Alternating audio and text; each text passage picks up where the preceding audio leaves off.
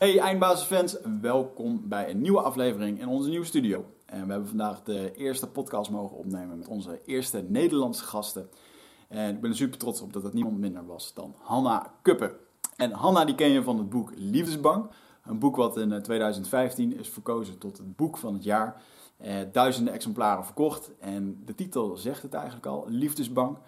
Het beschrijft dat wij als mensen vaak bang zijn om liefde te geven of om liefde te ontvangen. En uh, met andere mooie woorden noemen wij dat verlatingsangst en bindingsangst. Uh, iets waar iedereen wel last van heeft op een of andere manier. En wat dit boek heel erg mooi beschrijft, is dat als je kijkt naar relaties, dat vaak de een last heeft van bindingsangst en de andere last heeft van verlatingsangst. En daarin vinden we elkaar. En dan krijg je een soort dans van liefde, zoals dat hier heel mooi werd beschreven. Het is een uiterst uh, zelfreflecterend boek. Want waarom hebben we nou last van bindingsangst? Of waarom hebben we last van die verlatingsangst? Waarom durven we niemand dichtbij te laten komen? Of waarom zijn we weer bang om alleen gelaten te worden? En um, eigenlijk komt het er allemaal op neer dat er, dat er gewoon diepe dingen in onze psyche, in ons lichaam, oude trauma's van vroeger uit zijn, die daarvoor zorgen dat wij als volwassenen op bepaalde situaties reageren. En het is wel mooi, je gaat een hele hoop voorbeelden horen. Uh, ook vooral de ervaringen van Hanna zelf. Daar heeft ze ook vooral het boek opgeschreven over haar eigen reis voor verlatingsangst en, uh, en bindingsangst. En dat heeft ze heel erg mooi samen weten te brengen in het boek Liefdesbang. zeer een aanrader om hem ook eventjes te bestellen en te lezen. Deze podcast gaat je in ieder geval heel veel informatie geven over wat daar allemaal in staat. En dan langs Liefdesbang is natuurlijk alweer een tijdje uitgebracht. Heeft ze een nieuw boek geschreven en dat heet Liefdesroep. En dat gaat eigenlijk over het vinden van je missie. Om dat volledig met je hart te kunnen doen. En uh, ja, dat is natuurlijk iets, een veel besproken onderwerp hier bij uh, Eindbazen. Dus ik vond het ook heel erg leuk dat we een ontzettend uh, ja, spiritueel getint boek à la Liefdesbang eerst hebben besproken. Om vervolgens later over te gaan over het vinden van je missie en het uitdragen van je passie. Om het achterna gaan van je passie. Om gewoon uh, alles te kunnen doen vanuit je hart, vanuit de liefde. Zoals Hanna dat mooi zegt. Ik wens je ontzettend veel plezier met deze podcast en uh, stay tuned. Eindbazen wordt gesponsord door Nutrofit. De webshop voor natuurlijke voedingssupplementen en trainingsmaterialen die je helpen bij het verkrijgen van Total Human Optimization. Nutrofit is hofleverancier van merken zoals Onnit, Natural Stacks en Bulletproof Coffee. Probeer onze producten zonder risico door onze money back guarantee. Bezoek ons op www.nutrifit.nl. Bestel je voor 9 uur 's avonds, dan zorgen wij dat jouw bestelling de volgende dag geleverd wordt.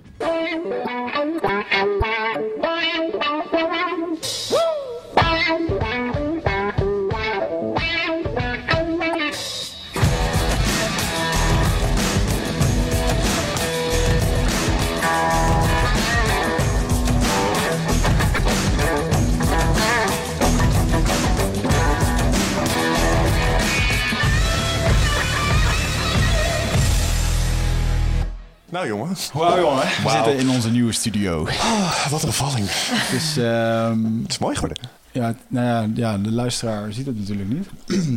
De mensen op YouTube ook nog niet helemaal. Er staan inmiddels foto's op Facebook. Er staan dus foto's op ja, Facebook. hoor, dit eh, maar, kan worden eh, gezien. we moeten nog even wat achtergronddingen, want jij zit... Ik zie jou, ja, hoe zie jij de kamer eruit? Mooi, zoals altijd. Je hebt een ramen zo nog. Ik moet hier ook nog even wat ophangen. Het is nog wat eh, saai, maar het Ja. gaat goed komen. Langzaam maar zeker. Hey, ehm, we kregen veel commentaar de vorige keer, hè? Ja. ja. Ik althans. Ja, jij vooral, ja. Over... eh, Het is ook niet de eerste keer trouwens. Ik mocht niet meer eten in de studio. Niet meer kauwen met name. Ik zat te smekken. Eten mag wel. Maar- Maar oh, de microfoon niet. Ja, maar is dat dan omdat ik voor de microfoon... En het schijnt bijzonder onsmakelijk te zijn als je oordopjes in hebt. Ja, Ik kan me dat echt wel voorstellen. Dat hoor dus vaker. Dat als mensen met een oordopje luisteren, dat ze het geluid... Dan hoor je, hoor je het nog erger allemaal of zo. Ja. Ja, Ja. Dus Dus wat doen we dan met de nieuwe sponsor van ons? ja. Want eh, wij hongerluien ben ik dan tijdens de wij opnames. we kunnen niet online eten dan. Of online, we kunnen niet live eten. Of Dat gaan we toch gewoon een keer doen. Ja. Maar ehm, lieve luisteraars, wij ehm, eh, worden tegenwoordig gesponsord door Snackbewust. Ik laat je even een pakketje zien hier. En Snackbewust is een eh, online abonnement, een maandelijks abonnement op ja, bewust snacks. Zoals paranoten, gepelde heb ik hier. En jij hebt? Ik heb hier eh, amandelen. En ik heb al van die eh, gemengde gezondheid mixjes eh, weglopen werken thuis. Want Ja. ik kreeg twee van die pakketten. En die waren eigenlijk voor de studio. maar die heb ik allemaal opgegeten. Dus ehm, ja, en, het, het was echt smakelijk. En het zijn van die gedroogde fruitmixen met van alles doorheen. En ook nootcombinaties. eh, Een beetje studentenhaverachtige dingen. En is allemaal... Het zijn in dat opzicht ehm, gezonde snacks, maar ook verraderlijke snacks. Omdat als je één keer zo'n zak begint... dan eet je natuurlijk ook gewoon eigenlijk aan één stuk door. Maar ja, daar ben je zelf bij. Daar had Ralf Moorman ooit een keer een goed iets toch over. Dat komt, zo'n gemengde zak noten, die eet je heel snel weg. Hm. Omdat er verschillende smaken in zitten. Dus dan zit er zout in, of zoet, of eh, knapperig en dingen. Dat zijn allemaal dingen waardoor je meer gaat eten. Mhm. Ehm, maar goed, ik vind het wel een, ehm een goede man. Als je Ja, en hoe dit dus werkt, dus je krijgt het dus gewoon de bus. Hè. Het zit in van die handige dozen waar mensen die lenzen hebben, bijvoorbeeld van de Specsavers. Dan krijg je zo'n pakket met lenzen krijg je in zo'n veel te grote envelop door je bus heen geduwd. En dit werkt eigenlijk op dezelfde manier, want die verpakkingen zijn super nou ja, kneedbaar. Dus dit krijg je gewoon per post. Dus je hoeft niet onhandig pakketjes eh, af te halen ergens of zo. Dit kun Ja. je gewoon uit je briefbus halen. Via een app kan je het doen. Dus eh, check hem uit. Snackbewust. En dan kun je non-GMO, vegetarisch, alles komt het allemaal... eh, ja, het is vrij simpel eigenlijk. Maar het zijn natuurlijk ook maar gewoon noten. Dus dat is ook gewoon... Eet je veel noten? Dat weet ja. Ja. Probeer niet te veel eh, van dit soort eh een hele zakken licht eten, maar een handje tussendoor. Ik gooi het door de smoothies heen, vaak. Gewoon een handvol voor de essentiële vetzuren. ja, Oh. dat is wel goed. Oh. Walnoten, dat dingen. Ik moet ze vaak meenemen. Dat voorkomt dat ik gisteren bij de Gamma sta en weer een pak stroopwafels vernemen. Voor 80 cent. en die volgens opeten in de auto. En dan... Maar goed, oké, tot zover. Snackbewust. Ehm, vandaag hebben we ook weer onze, ja, onze eerste nieuwe... eh, onze eerste gast in onze nieuwe studio. Ja, je bij de spits af. En eh, dat is een hele grote eer. Eh Hanna Kuppen, auteur van Liefdesbang en Liefdesroep. En ehm, ja, wij kennen elkaar, we hebben een keertje, we kennen elkaar wat langer. Wat ik eigenlijk aan jou wil vragen, is of dat jij ehm, deze podcast zou willen aftrappen op de manier zoals jij destijds de lezing eh, opende. En dat ging eventjes over het verhaaltje van eh, een meisje met een vader. En, Aha. en dan mag je een boek erbij. ik vond het heel pakkend, dus mij bijgebleven. Dus, eh, Oh, ik zit nu nou. inmiddels op het puntje van mijn stoel. ja, dus... ja, ja. ja. Nou ja, inderdaad. Zo begin ik mijn lezing. Ik begin mijn lezing met een verhaal. Ehm, en dat is een verhaal over een man die opgroeit op een akker op een klein dorpje. En later de boerderij van zijn vader overneemt. Die jongen heeft een, of die heeft een droom met zijn leven. Maar zijn leven loopt zo dat hij eh, trouwt en drie kinderen krijgt. Waarvan de middelste op 2,5-jarige leeftijd eh, op traumatische wijze sterft. En vanaf die dag is het leven van die man nooit meer hetzelfde. Een onmetelijk verdriet overvalt hem. En niet lang daarna krijgt deze man een dochter. En hoe welkom deze dochter ook is en hoeveel liefde deze man ook in zijn hart voelt voor zijn dochter, hij kan die liefde niet aan haar geven uit angst om opnieuw te verliezen. En in dat gezin groeit deze dochter op. En eh, later, als ze ouder wordt, merkt ze dat ze op haar vader is gaan lijken. Zoals dat wel vaker gebeurt bij vaders en dochters. En ook zij merkt dat ze bang is om de liefde toe te laten uit angst om opnieuw te verliezen. En dat is de terugkerende vraag in haar leven. Hoe kun je de liefde toelaten zonder bang te zijn om hem te verliezen? En van die vraag maakte zij haar eh, levensmissie. Want zij wilde niets liever dan het leven ten volle kunnen leven en het geluk van de liefde kunnen toelaten. Zij verzamelde al haar krachten, al haar energie en passie. En al haar inzichten en ervaringen die zij alleen dankzij haar vader kon opdoen, heeft zij gebundeld in een levenswerk, een boek. En dat boek heeft deze dochter in haar handen. Liefdesbang. Liefdesbang, ja. Mijn Mooi. levensthema. Ja, en een groot succes. Want eh, het, Inmiddels ook, het, ja. het, eh, het, meest, of het meest verkochte... Of het, nee, wat was het? Het was verkozen tot eh, nummer 1 boek Spiritualiteit Beste 2015. spirituele boek van 2015, ja. Mooi. Ja. Ja, en inmiddels zitten we aan de 35.000 exemplaren. Dus dat is best... eh, Dat is te gek. Is dat, voor, is dat veel voor Nederlandse is begrippen? voor Nederlandse begrippen echt heel erg veel. Hm. Ja, Ja. mooi. Ja. En het is natuurlijk een onderwerp. Ja, we merken het hier ook, dat de onderwerpen over eh, liefde, en noem het allemaal relaties of wat dan ook, die spreken heel erg. En eh, Jan Geurts was hier ook, die eh is veel bekeken. Ehm, ik vind het wel eens even leuk om in te gaan, eh, want ik heb je boek eh, doorgelezen, Liefdesbang. Mhm. En ehm, waar ik heel erg benieuwd naar ben, is, eh, want je beschrijft eigenlijk net de reis, hoe dat jij daar bent gekomen tot het boek Liefdesbang. Ehm, hoe was jij vroeger in relaties? Nou, de relaties is echt een hele reis voor mij geweest. Ehm, Laat, laat ik het even zo verhelderen. Uiteindelijk is er een keer een keerpunt, dat je gewe- de, eh, keerpunt geweest dat je dacht van ja, wat ik allemaal aan het doen ben, dat, dat werkt niet, ik moet dit onderzoeken en daar is liefdesbang uitgekomen. ja, Right? ja, Oké. ja. Waar, eh, waar begon het de eerste keer niet goed te gaan?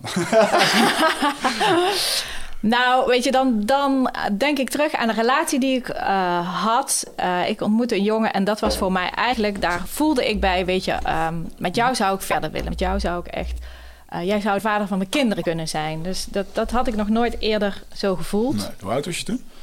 Toen was ik 28 Oké. en ik had, al, ik had wel relaties gehad, maar dat was wel voor het eerst waarvan ik dacht, hé, hey, met jou eh, wil ik het vol aangaan. Ja. En, ehm, nou, en in die relatie, eh, waarin we eigenlijk knettergek op elkaar waren, want dat was van mijn kant en van zijn kant. En toch ontdekten we, weet je, we kunnen, we kunnen niet samen en we kunnen ook niet apart. En iedere keer, weet je, nam ik, zocht ik nabijheid, nam hij weer afstand. En nou, dat was iedere keer ontzettend pijnlijk. Tot ik er genoeg van had. En dan, weet je, dan nam ik de afstand. Maar dan zocht hij weer de nabijheid, tot mijn grote verrassing. En zo waren we eigenlijk een beetje om elkaar heen aan het dansen. Nou, En toen ontdekte ik eigenlijk, wat, wat zijn wij nou eigenlijk aan het doen? En het was in die zin ehm, aan de ene kant natuurlijk echt ontzettend lastig. En aan de andere kant konden we daar ook wel iedere keer naar kijken. Dus daar ontdekte ik eigenlijk die dans, die dans van afstand en nabijheid. En toen ontdekte ik ook van, hé, maar er bestaat een woord voor. En dat is verlatingsangst. En toen ontdekte ik die polen, verlatingsangst en bindingsangst. En, en hoe wij ja, onszelf naar elkaar toe verhouden daarin. ja. Dus dat was. ehm, nou, en dat, dat heeft uiteindelijk eh, niet, eh, geen stand gehouden. Dus daar was voor mij eigenlijk een soort breuk van binnen. Weet je, ja, maar als dit, als dit niet slaagt, ja, weet je, dan hoeft het niet meer. Dat was, ergens heb ik toen de tijd een onbewust besluit genomen van, weet je, nou, als wij dit zo samen dan niet kunnen, wij die allebei bewust in het leven staan en, eh, en naar onszelf bereid zijn om naar onszelf te kijken, dan, eh, nou ja, dan, dan, dan laat het maar. Hmm. En vanaf dat moment ging ik eigenlijk relaties niet meer vol aan. Toen, ik had nog wel relaties, maar het was meer van, nou weet je, dan eh, voor de lusten en niet voor de lasten. En eh, nou, dan heb je toch een beetje, eh, kun je leuke dingen doen samen. Ja. Maar ik ging het gewoon niet meer echt aan. Nou, tot ik ehm, op een gegeven moment. eh, nou, ik, ik- in, en in die tijd deed ik ontzettend veel aan mijn persoonlijke ontwikkeling, volgde veel opleidingen. Dus ja, met het geluk dat ik ook qua beroep nou ja, hier vol in deze materie zit. Dus dat was ook altijd mijn enorme drijfveer om mezelf ook juist in mijn eigen thema's te ontwikkelen. Ja. Ehm, en toen zei er een keer een leraar tegen mij van... God, wat zou de titel zijn van, eh, van een boek over je leven? En toen wist ik direct van, nou, en wat de titel was. Maar het was eigenlijk alleen maar een vraag naar de titel. Maar ik wist ook, weet je, dit boek moet er komen. Dit boek moet er gewoon komen. Onwijs goede vraag trouwens. Hm. Wat zou de titel zijn van jouw boek? Mm. Dumb and Dumber. In één woord? Ja, dit was heel mooi in één woord. Jeetje. Nou, gun jezelf een zin bijvoorbeeld. Ja, ik probeer iets... eh, Of een probeer iets- thema. Iets, Of een thema. verzinnen. Aan het einde van de show ga jij... Ja, ik ga er even over nadenken. En dan kom ik met een leuke boektitel. Ja, Ja. ik vind het goed. Oké, terug naar jou. Nou ja, dus, dus ik wist ook meteen, het boek moet er ook komen. Het is, ehm, maar dan had ik op de lange baan geschoven. Ik dacht, weet je, daar heb ik helemaal geen tijd voor. Ik had een enorm drukke praktijk. Dat, dat liep allemaal hartstikke goed. En eh, ik dacht, dat doe ik wel. Later als ik oud ben en wijs ben en grijs ben, dan, dan ga ik wel ooit een boek schrijven. Maar ja, het leven liep anders. Ehm, want ik werd ziek. En ik eh, werd in die zin zo ziek dat ik moest besluiten om een tijd met alles te stoppen. Dus ik moest mijn praktijk opzeggen. Ik, ik dacht, weet je, als, als ik de keuze nu niet maak, dan gaat mijn lijf hem voor mij maken. En zover wilde ik het niet laten komen. Wat, eh, wat had je als praktijk? Eh, ik had psychotherapie voor volwassenen. Ah, Ja. oké. En als je dit zo beschrijft, mag ik dan, had je dan een burn-out? Nou ja, weet je, zo, zo zou je het kunnen noemen. Ja, zo zou je het kunnen noemen. Het was een, een verzameling van, van, van alles. Ja, het Maar- kwam allemaal even samen. Het kwam allemaal samen. Ja. En eh, nou, achteraf ook maar heel goed. Maar op het moment is het een lastige keuze. Mhm. Want ik was gewend alle ballen in de lucht te houden. En, eh, maar eh, nou, ik moest aan mezelf erkennen dat dat niet meer lukte. En echt helemaal een time-out, puur voor mezelf. En toen besefte ik ineens, maar wacht even. Mijn reden was om niet aan het boek te beginnen. Ik heb geen tijd. En ineens had ik tijd. En ik dacht, ja, weet je, het, het, het een heeft toch alles met het ander te maken. Dit is toch mijn kernlevensthema. Als ik hier nu aan ga beginnen, dan, uh, dan hoop ik dat het een hele proces voor mezelf gaat zijn. En wie weet, ja. heeft later een ander daar ook nog iets aan. Dus zo startte ik eigenlijk aan het begin van die periode van... ik ga er gewoon aan beginnen en ik zie het wel. En ik volg daarin mijn eigen proces. En ehm, nou, zo is het eigenlijk... Uh, dus het boek is eigenlijk gewoon zelfheling geweest? Ja, zeker. In eerste instantie wel. En in eerste instantie is het boek echt mijn stok achter de deur geweest. Hm. Want wat gebeurt er als je een boek gaat schrijven over je eigen verlatingsangst? Dan kom je een man tegen. Oh ja. Ja, dat hoort erbij. en dat was, dat was en in eerste instantie dacht ik, nou, weet je, dat heeft het universum heel mooi voor mij geregeld, want dan kan ik nu in dit proces laten zien hoe het wel moet. Ja. Uh, maar dat was absoluut niet zo. Het was juist een man die mij totaal weerspiegelde in mijn eigen diepste verlatingsangst. En uh, waar ik vol in mijn eigen schaduw moest kijken en in mijn eigen spiegel moest kijken. En juist uh, het proces moest aangaan om dat los te laten in plaats van het vast te willen houden of het vast te willen klampen. En dat leidde mij eigenlijk precies terug naar het onderliggende in mijn leven van, van hoe dat ontstaan was en hoe dat in mijn leven ontstaan was. Dus ik moest vol de diepte in. En uh, nou, er waren momenten echt dat ik dacht: van, weet je, ik, ik stop ermee en uh, ik kan het gewoon niet en ik doe het niet. Maar dan dacht ik: ja, maar als ik hier nu stop, dan komt er geen boek. En, en, en dat moest wel zo zijn. Het, en dus dat boek dat heeft me zo ontzettend geholpen om iedere keer als ik het even te lastig vond om toch die volgende stap te zetten en het toch te gaan doen. En um, dus zover als ik groeide, zo groeide mijn boek eigenlijk met mij mee. Hoe lang heb je erover gedaan? Nou, in zijn totaliteit wel twee jaar. Oké. Ja. En die relatie heeft ook die twee jaar door. Uh, nee, die, had, die, heb ik gelukkig eerder kunnen achterlaten. en, is, is, dat dan ook de lessen die je daaruit leerde, die zijn ook in je boek? Uh... Die uh, staan voluit in mijn boek. Ja, ja. Ah, hilarisch. Ja. Dan um, ben ik eigenlijk wel weer benieuwd, um, want ik heb dan wel gelezen, maar ik vind het wel heel mooi voor. Wat is nou de, de, de, kern van jouw boek? Is dat, um, of wat ik ook begreep uit jouw lezing, is dat in een relatie vindt men elkaar op basis van één iemand heeft een bindingsangst en de ander heeft een verlatingsangst. Mm -hmm. Dat is vaak de dynamiek die we hebben, waarom we tot elkaar aangetrokken zijn. Ja. Right? Ja. Oké. Okay. Komt dat bekend nou, voor jou? Eh, nee. Ik kan het nog enigszins nuanceren. In die zin, uh, het is niet van of je hebt verlatingsangst of je hebt bindingsangst. Mm -hmm. Als je, het, het, is, het gaat eigenlijk om uh, de angst. En uh, het zijn twee polen van dezelfde angst. Maar zodra jij iets aangaat met iemand, dan ontstaat er een dynamiek. Ja. En dan gaat de ene persoon die vloept als het ware naar de ene kant en de ander aan de andere kant, zodat er een soort plus-min komt. Ja. En dat geeft die spanning waarbij de een meer zit in de pool van de verlatingsangst en de ander meer zit in de pool van de bindingsangst. Ja, want degene die verlatingsangst heeft, die wil toedekking. Die gaat continu, even een extreem geval, lopen sms'en van... joh, uh, continu de Die wil voortdurend bevestiging. Die, uh, ja, die wil voortdurend de zekerheid dat de ander er is. Uh, dat de ander beschikbaar is. die snel geneigd te denken van... zie je wel, hij is toch niet beschikbaar. Of, um, ja. ja, dus die wil dat steeds bevestigd zien.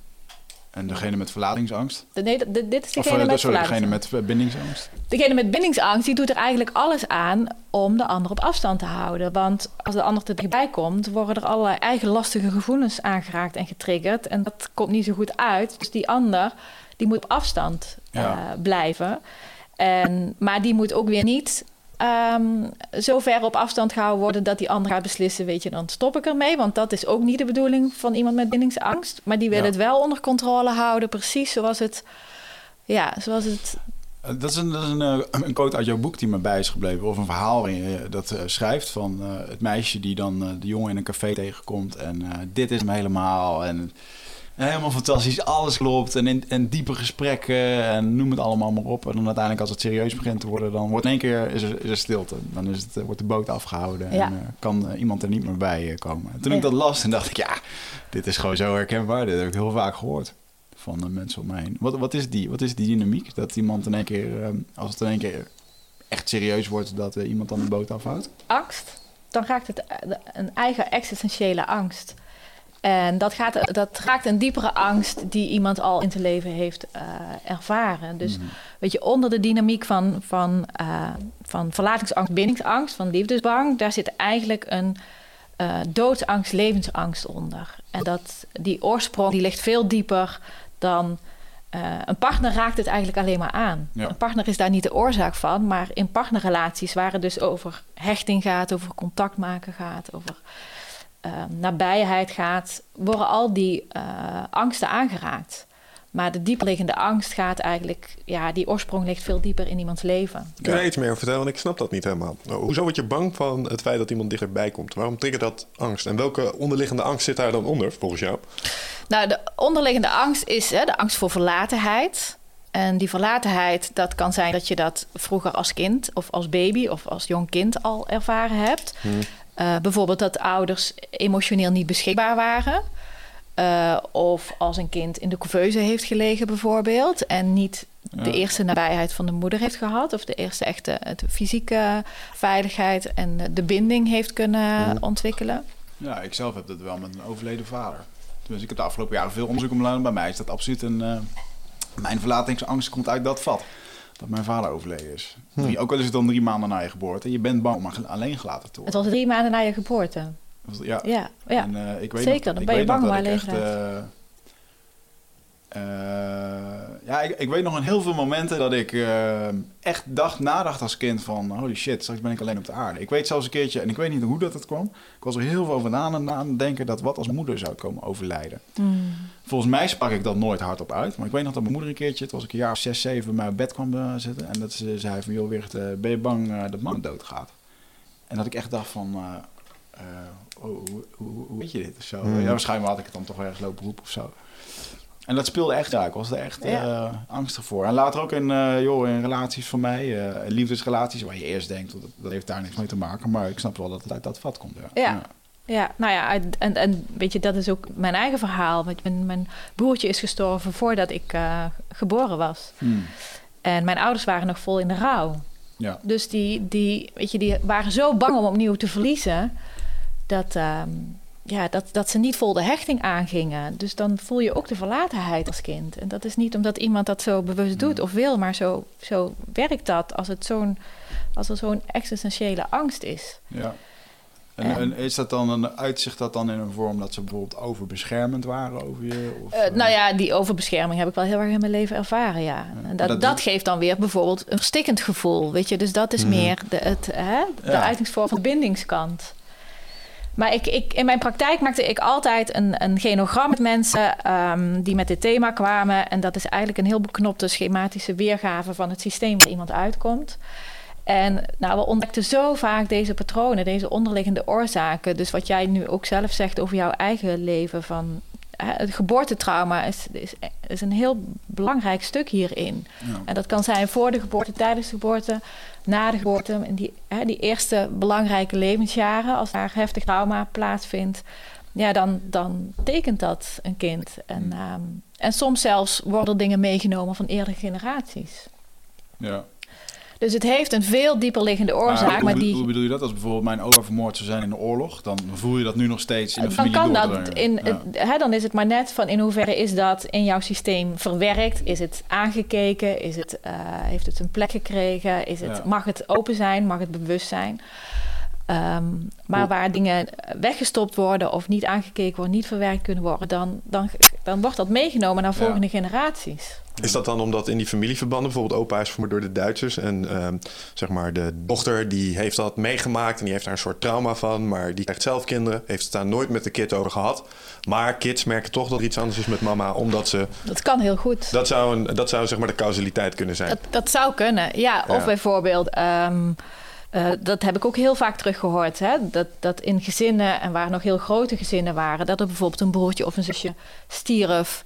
eh, voor de geboorte van een volgend kind. En dat die volgende dan later eigen kinderen krijgt. Mhm. Eh, maar die heeft dan...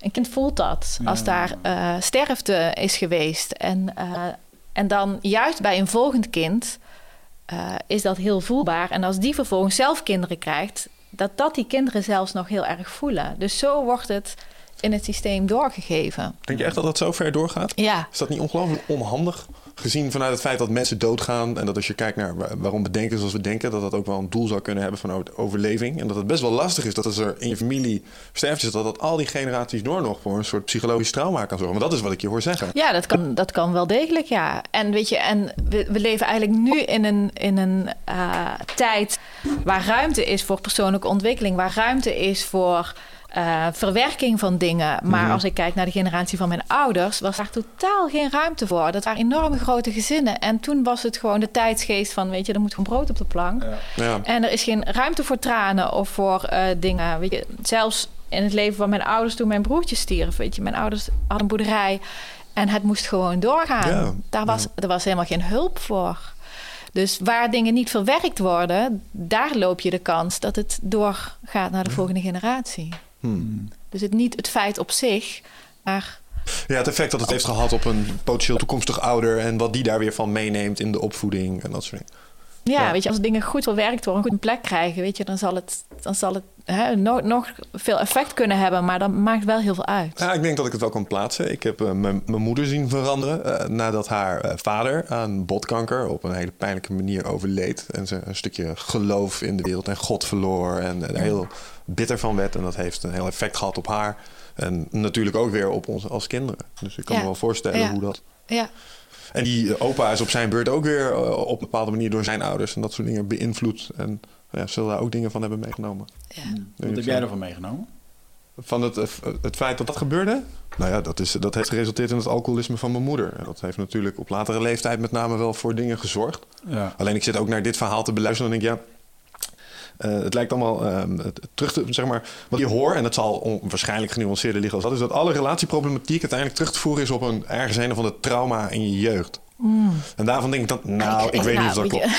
Dat lijkt me wat kortzichtig. Dat is wat grof genomen. Ik zou, niet, ik zou niet van alles zomaar meteen een, eh, een algemene conclusie trekken. Hmm. Het, is, weet je, het is goed om. om eh, maar ik heb dit thema natuurlijk bij zoveel mensen voorbij zien komen. Dus ik heb daar, ik heb daar werkelijk wel wetmatigheden voorbij zien komen. Iets wat je steeds opnieuw.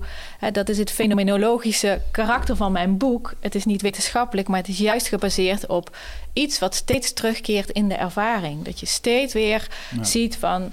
Weet je, dit is het achterliggende. En verlatingsangst en bindingsangst is eh, zo'n ongelooflijk eh, sterk overlevingsmechanisme. Dat hoe jonger je in je leven daarin iets oploopt of iets meemaakt, nou, des te sterker ehm, uit die dynamiek zich in partnerrelaties. Hmm. En weet je, iedereen kent het wel ergens. Het, ik, ik heb nog niemand ontmoet die zegt: Ik heb er helemaal niks mee. Ehm, maar de, de, de mate waarin verschilt nogal. Dus ehm, ja, dat Ja. maakt heel veel uit. Ja, ik zit me dat wel eens af te vragen, omdat ik ook, ik heb natuurlijk ook relaties gehad. Maar als ik naar mijn eigen jeugd kijk, was die ongeveer tot mijn 19e, 20e, was dat eigenlijk eh voorbeeldige jeugd. Dat was allemaal mooi. Eh, maar daar had ik ook al mijn eerste, eh, zeg maar, relationele skirmishes. En daar liep ik ook al tegen dingen aan die later in relaties ook altijd wel een item bleven. Natuurlijk vraag je je af, hé, hey, waar zit het dan in? En ligt het nou aan mij? En waar komt dat dan weer vandaan? Ja. Dus dan probeer ik ook te zoeken naar achterliggende oorzaken. En ik denk dat het voor een deel zeker terug te voeren is op je ouders, eh, opvoeding, maar ook een stukje genen en eh, zeg maar generaties daarvoor. Dus vandaar dat ik me even afvroeg hoe het dan doorwerkt en wat daar dan onder zit. Ja. Ehm, en je zei net ook dat dat stukje verlatings- en bindingsangst, ehm, is dat echt één op één terug te voeren op overlevingsinstincten? Ik hoorde je zoiets zeggen, het is een Het overlevingsmechanisme. is een overlevingsmechanisme. Ja, het is eigenlijk. ehm, het heeft je vroeger beschermd voor, de, voor een angst die je toen niet kon handelen. En die toen te groot was om toe te laten. Dus dan is het prachtig dat het leven een mechanisme heeft om je daarvoor af te schermen. Ehm, zodat je gewoon ook verder kan groeien. Weet je, soms zie je kinderen dingen meemaken waarvan je denkt: ja, maar als je dat ten volle zou toelaten, dan zou je het Ja, niet ja, redden. ja, zou je het gewoon niet redden. Dus godzijdank is er zo'n mechanisme. Alleen later in ons leven wordt datzelfde mechanisme ook onze grootste barrière. Want we, hè, er is een groot verlangen voor, nab- voor nabijheid en eh, voor, voor partnerrelaties. Maar precies dat mechanisme komt er dan juist ook tussen te staan. En dan wordt wat ooit je vriend was, je beste vriend, wordt eigenlijk je vijand. Mhm. Ehm, Is dat misschien, want dat is, dat is grappig, is dat misschien ook omdat, ehm, en dat is een vraag die ik heb. Geloof jij dat eh, mensen gebouwd zijn voor langdurige relaties? Omdat dit soort dingen met name vaak een stukje achterop in je relatie loop je daar tegenaan. Dan worden kleinere dingen worden groter. En dan gaat die barrière waar je het over hebt, die gaat echt opspelen. Hetzelfde in de eerste twee jaar, valt mij persoonlijk op. Ehm, En ja, ik vroeg me hoe jij daar tegenaan kijkt. Nou ja, ik denk niet dat er. Ja, uh, alle soorten relaties dienen ergens voor. Mhm. En voor de een uh, leert ontzettend veel door iets heel kortstondig... en de ander heeft daar een lange relatie voor nodig. Het is natuurlijk wel zo, naarmate de uh, relaties kunnen verdiepen... kom je ook diepere thema's van jezelf tegen. Dus de echte diepe hechtingsthema's, mhm. die kom je pas tegen als je je ook langer met iemand verbindt. Ja, en dat is eigenlijk een klein beetje wat ik bedoel. Kijk, je gaf er straks al aan, de, de, wereld is veranderd. Een van de dingen die, de, onder andere de, mentaliteit dat je gewoon moet werken voor je brood. Um, maar ook hoe we tegen relaties aankijken. Ik mhm. bedoel, een scheiding is tegenwoordig aanzienlijk meer geaccepteerd als 50 jaar geleden. Ja. Um, ja. En ik heb toevallig nog even zitten kijken um, hoe het zit met scheidingen en zo. 1 op de drie 80% van de uh, relaties uh, zonder kinderen die uh, eindigen. En ik vraag me dan eens af, hoe kan dat dan? Want blijkbaar ligt het niet aan mij. Er zijn meer mensen die hiermee kampen. En dan kijk ik ook wel eens naar hoe we gebouwd zijn, naar onze biologie. En dan denk ik, hmm, als je naar die mechanismes kijkt, hoe dat in moeder natuur zou gaan... dan zou je zeggen dat een gemiddelde relatie zo ongeveer duurt totdat de koter kan lopen. En dan gaat in principe genetisch gezien gaat de man weer mhm. verder bewegen. En dat is een mm tijdsduur van misschien zes, zeven jaar. Mhm. En als ik naar mijn eigen eh, leven kijk, en misschien projecteer ik daar wel, dan denk ik, hé hey, ja, ik zie daar wel een soort verloop dat daarbij zou kunnen aansluiten. Mhm. En dan denk ik wel eens, zijn dat nou dan, is dat gewoon een soort natuurlijk verloop van relaties? En is het daarom dat die, die, die mechanismen waar jij het over hebt, die je helpen met kopen, misschien hoor je daar wel eigenlijk helemaal niet tegen aan te lopen in een relatie. En ik vroeg me af hoe je naar dat specifieke stukje krijgt. Zijn we bedoeld om de 6, 7 jaar, de 8, 9, 10 jaar überhaupt wel aan te tikken? Of is dat iets dat cultureel eigenlijk een beetje bepaald is? Nou, ik kijk daar een beetje anders naar. Ik denk dat we um, dat relaties uh, vroeger heel erg um, gebaseerd waren op angst. En misschien niet heel bewust, maar onbewust wel. Weet je, de rolpatronen waren natuurlijk ook nog heel strak verdeeld. Dus mensen hadden elkaar in die zin ook veel meer nodig. de man doet dit en de vrouw doet dit en je hebt elkaar veel meer nodig. Um, nu is dat al helemaal veranderd in deze tijd. We hebben elkaar eigenlijk mhm. nergens voor, nodig. We kunnen allemaal ons eigen geld verdienen. En, um, en ik denk dat eigenlijk onze, als je het echt overstijgend bekijkt, dat we allemaal ergens voor de uitdaging staan om relaties niet meer aan te gaan op basis van angst, maar op basis van zelfliefde. Mhm. En dat we in dat hele grote, in die hele grote transformatietijd uh, leven. Uh, dat we iedere keer uitgedaagd worden van... hé, hey, maar als ik me met een ander verbind... ben ik dan ook nog trouw aan mezelf? Kan ik mezelf daarin meenemen? Uh, is dat gebaseerd op eigenwaarde of zelfliefde? Want anders moet die ander um, voor jou dat gaan aanleveren en kom je al in de afhankelijkheid. En ik denk dat we um, de wereld op een hoger plan kunnen tillen als we werkelijk beginnen met eerst van onszelf te houden. Mm En dat relaties daar ons uh, ja, de, de, de, belangrijkste en mooiste leerschool in zijn. Want mhm. relaties laten uh, ons de spiegel zien waarin we niet van onszelf houden. En dat we daar een enorme groei in, in uh, aan het maken zijn. En dat daarom ook zoveel. Weet je, alles. We zijn echt bezig met een transformatietijdperk van angst naar liefde. Dus alles wat op angst is gebaseerd. Schaarste overvloed. Dat zie je in duigen vallen. Hmm. Uh, dus er, is, er is zoveel polariteit nu. En we zien eigenlijk alleen maar uh, de oppervlakte. En dat wordt ook door de media in het licht gezet. Hè. Je ziet het op, op alle lagen van de, van de samenleving. Hoe bedoel je? Uh, nou ja, als je ook kijkt naar de, naar de politiek en alles wat er in de wereld gebeurt, hm. dan krijgt juist het angststuk nog heel veel aandacht door de media. Ja. Maar ik denk dat er al heel erg een platform aan het ontstaan is van mensen die zich aan het ontwikkelen zijn en die met prachtige en mooie initiatieven bezig zijn om juist de liefde uh, te cultiveren. Ja. Maar uh, dat begint allemaal met zelfliefde. En ik denk dat daarom zoveel relaties misgaan omdat, uh, nou ja, omdat dat geen stand kan houden als dat nog steeds gebaseerd is op angst. Ja, oké. Maar, maar wat ik je eigenlijk. Want ja, check. Dus vanuit een cultureel perspectief is er nu veel meer autonomiteit. En je kunt meer op eigen benen staan. Dus als je verbindenissen aangaat met mensen, dan kan dat puur zijn. Niet om alleen te zijn, maar juist omdat je daar een synergie zit. Uh, je ziet daar dus een relatie ook echt als een versterker van twee individuen. En wat mijn vraag eigenlijk was, die erachter zat, is... want ik ben soms een beetje een scepticus. En je mm. zou ook naar relaties kunnen kijken als een genetisch trucje, hè, een biologisch trucje om je mm -hmm. genenpakket voor te planten. Want mhm. wij hebben hier met mensen gesproken, non-dualisten. En die zeggen eigenlijk alles is zonder streep gewoon seksuele selectie. Je doet dit om te overleven en voor te planten. Mhm. Hoe kijk jij naar dat perspectief? Want dat heb ik bij Jan Geurts ook wel eens een beetje proberen aan te boren. Maar daar werd een beetje, ja, die hormonen en zo, dat is allemaal wel. Maar dat is wel een onderdeel van het hele verliefd worden en relaties en hechten. Oxytocine, dat, ja, ik weet niet of ik het goed uitspreek, maar er zijn hormonen, uh, die, die maak je gewoon aan op het moment dat je hecht aan elkaar. En dat is wat liefdesverdriet is, het gebrek aan de productie van die hormonen. Dat is gewoon een soort afkicken. En ik ben, ben wel even benieuwd hoe je daar tegenaan kijkt vanuit dit perspectief. Nou ja, ik denk als je het vanuit die laag zijn we allemaal ergens weer op zoek naar die eenheid. Ja. En naar die symbiose eigenlijk. Van we willen ergens onderdeel van zijn. We willen ergens bij horen. We willen, mm. uh, we willen die eenheid voelen. En um, nou, die eenheid willen we voelen in contact met een partner. Nou ja, en die kunnen we natuurlijk de hele tijd voelen. En vooral in de fase van verliefdheid. En waar je echt nog helemaal cocoont samen. Nou, en op een gegeven moment beginnen de scheurtjes te komen van... Hè, waar je in de spiegel kan gaan kijken van... oh, weet je, dit is nog... Uh... En juist omdat je zo'n uh, enorme verbondenheid of eenheid samen hebt gevoeld... ben je ook bereid om die andere kant aan te gaan. Hmm.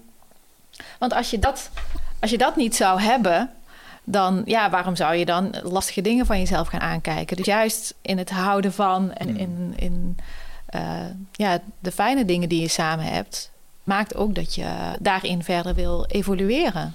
Geeft dat dan, um, als die scheurtjes komen en je moet naar jezelf gaan kijken, geeft dat dan de reactie bij sommige mensen dat ze uitgekeken zijn op de relatie, het ergens anders gaan zoeken, of, uh, of juist, um, moet ik even het woord vinden, um, als je zelf iets aan het kapot maken bent.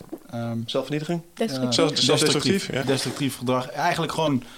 Um, het ego is, kan gewoon al weken of maanden bewust, misschien zelfs onbewust bezig zijn om de relatie uh, kapot te maken, zodat het weer uh, fout gaat. Mm -hmm. Is dat niet een. Uh, want je hoort vaak mensen zeggen, en dat vind ik, wordt ook vaak in jouw boek geschreven. Um, mensen lopen continu hetzelfde patroontje af, waarbij ze zeggen: van, Ja, ik kom gewoon niet juist tegen. Het was weer een lul en hij ging weer vreemd. En is dat iets wat we onbewust continu opzoeken in dezelfde partner? In andere partners bedoel ik?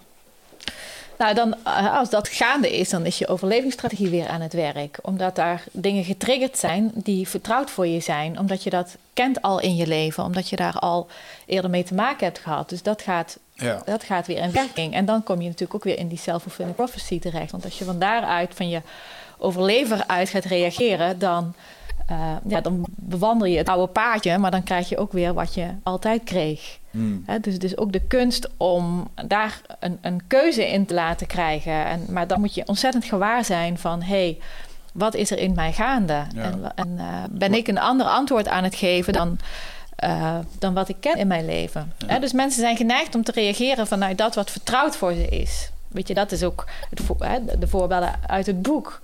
Uh, maar daar heb ik dan nog wel een vraag over. Want uh, je hebt het over patronen. Mhm. Ik zie nu, nu ik terugkijk op mijn eigen liefdesleven... ik zie een aantal patronen over relaties heen. Maar ik zie binnen uh, een specifieke relatie zie ik ook patronen. Mm -hmm. Maar de patronen binnen de specifieke relatie zijn niet dezelfde als die binnen andere relaties. Dus ik gedraag mij anders binnen andere relaties, maar de uitkomst van de relaties is wel hetzelfde. En het is nooit de insteek geweest om... ik ga hetzelfde pad nu nog een keer bewandelen... want het is incrementeel. Zo kijk ik er dan ook wel tegenaan. Ik heb iets geleerd hier... en ik ga proberen om dat de volgende keer te verbeteren. Mhm. Deze keer was ik uh, misschien een pushover... of misschien moet ik... Uh, iets meer aandacht hebben voor. Mm -hmm. Weet je, op die manier probeer je daar echt wel ja, maar dan, dan beter in te worden. En dan ga ik jou spiegelen, want jij uh, bent niet lang zonder relatie jij vindt het fijn om uh, samen te zijn. Ja, ja dat, is een, dat is een... Dus dat is een terugkerend ding. Vanaf mijn achttiende heb ik eigenlijk onafgebroken verkering gehad. Dus dat, daar zie ik inderdaad ook patronen. Ja. Ik ben recentelijk vrijgezel geworden. Een van de dingen die ik nu um, ook best wel lastig vind... is om daar gewoon uh, eens een keer op eigen benen te gaan staan... en niet meteen... Mm -hmm met een sprint naar de dichtstbijzijnde armen en vrije borst toe te rennen om daar troost te zoeken. Want ja. dat is een beetje wat ik altijd doe. Ja. Dus dat, en dat is een, ja, dat is echt een ding. Dus daar zit wel een. There you go. ja, dat weet ik wel. Maar eh, zeg maar, eh, als ik kijk naar mijn voorgaande drie relaties en hoe ik me daarin manifesteerde, hmm. zie ik daar wel een ander gedrag. Bij mijn ex, zeg maar, maar mijn ex, eh, de laatste, was ik een andere persoon als bij mijn ex-ex die daarvoor. En weer een ander als bij een ex-ex, mm ex daar weer voor. Dus ik zie daar wel dat mensen zich proberen aan te passen, of tenminste als ik naar mezelf kijk. Maar toch is de uitkomst en daar zit echt voor mijn gevoel geen uh, self-fulfilling prophecy in. Ik ga daar niet in met de intentie, oh, dit zal hetzelfde verhaal wel weer nee, worden. Nee, nee, maar op die laag gebeurt het ook niet. Het gebeurt niet op de laag van het jezelf voornemen. Het gebeurt ook niet op de mentale laag. Het is niet van, van oké, nu ga ik het anders doen. Um, dit gaat over patronen die heel diep in je lijf liggen opgeslagen. Uh, mensen die in mijn training komen, die komen allemaal, die hebben het boek gelezen en die zeggen, weet je, ik snap nu, ik weet het nu, ik herken het... ehm, ik begrijp het, ik kan het analyseren, ik weet misschien wel al waar het vandaan komt. Maar hoe doe ik het nu anders? En ehm, hè, dus het, het, het mooie is dat het boek het inzicht kan geven. Mhm. Maar in de training gaan we het werkelijk doorleven. Dus we gaan allerlei oefeningen doen waar mensen echt die oude patronen werkelijk kunnen gaan doorvoelen in hun lijf. En Mm. daar, het op die laag gaan openen. Want eh, anders neem je die laag mee. En die laag is veel sterker dan die mentale laag. Dit is voor iemand als ik echt... Dit, dit snap ik niet. Nou, Dit- dit mag, mag ik daar een voorbeeld Ja, van geef geven? eens een voorbeeld. Ehm, natuurlijk, Marieke is hier ook veel mee bezig. Een vriendinnetje. Of op de school, op de bus en school ziet ze dingen ook al voorbij komen. Ehm, heb ik wel eens lessen meegemaakt waar bijvoorbeeld een meisje eh, mocht ze aangeven van wat is nou hetgene waar je het laatst aan hebt geïrriteerd in jouw eh, in relatie. Dit weekend, vriendje zat op telefoon, zat messen, sms'en, bla bla bla, en, en of een verhaal. Maar uiteindelijk, het gaat helemaal niet om dat sms'en. Weet je, of dat hij even geen tijd had of wat dan ook. Er wordt gewoon ergens op een knop geduwd van eh, dat ze zes jaar oud was. En dat de vader er geen aandacht gaf. Dat is hetgeen wat haar nu weer het gevoel geeft eh, dat ze er weer niet toe doet. Omdat het vriendje toevallig bezig is met sms'en. Dat heeft helemaal niks te maken met dat sms'en. Zeg ik dat zo goed? Ja, zeg je heel goed. Want, en, en weet je, en dan kan je jezelf voornemen van... oh, ik ga dat nu anders doen. Mhm. Maar dat is puur mentaal. Ehm, maar eigenlijk moet je weer terug naar het, het, de, de, de oude pijn... van hè, dat haar vader niet eh, emotioneel beschikbaar voor haar was. En dan kan er in het lijf zich iets openen. En dan ga je... Ja, dan kom je op een andere laag... eh, vanuit die laag kan je je weer gaan Nou, ik, vind, verbinden. ik vind het heel grappig. Ik merk twee reacties bij mezelf. Enerzijds vind ik het echt het afschuiven. Zo, hoe kan het nou aan iets liggen wat zes jaar... Kom op, toen je zes jaar... Kom op, neem verantwoordelijkheid voor wat je doet. Weet je wel. Maar tegelijkertijd sluit tweede gaan bij het de- deterministische universum... wat non-dualistisch schetsen. Dat je eigenlijk niet meer bent als het resultaat van al je ervaringen. En ik kan me echt wel voorstellen dat sommige Ja. dingen bijzonder traumatisch zijn geweest. Dat dat een soort litteken heeft achtergelaten... waardoor je gedrag soms aanpast of een spastische beweging maakt... in relaties en in je gedrag. Eh, Dus ergens vind ik het ook wel logisch. Nou, plus het besef dat iemand anders niet verantwoordelijk is voor jouw gevoel.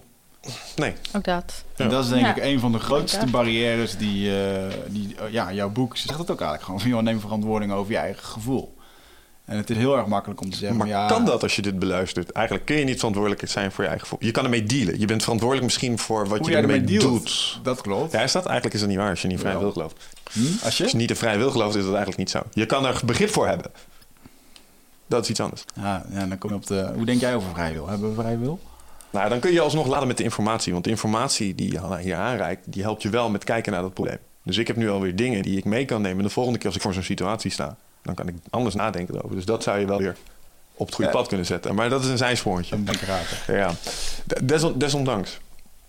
Ja, maar, maar eh, het is zo van belang om hè, dit probleem is niet op te lossen. Eh, weet je, dat sommige mensen komen inderdaad voor die quick fix. Mhm. Die denken echt van, nou weet je, ik ga, en dan is het in twee dagen, dan, dan ben ik er van af. Want dat is de eerste vraag die je krijgt, hoe kom ik er van af? Ja. En je komt er niet zomaar van af. Dat is niet eh, een keuze. eh, dat is echt de bereidheid om echt jezelf op een hele diepe laag te gaan onderzoeken. En te gaan openen in oude pijn. En nou weet je, in, in, in de twee dagen bijvoorbeeld van de introductietraining... het is hartverscheurend om te zien wat er bij mensen open gaat. En dat er oude pijn open gaat waarvan ze dachten... waarvan ze eigenlijk niet meer wisten dat die er nog zat. Ja.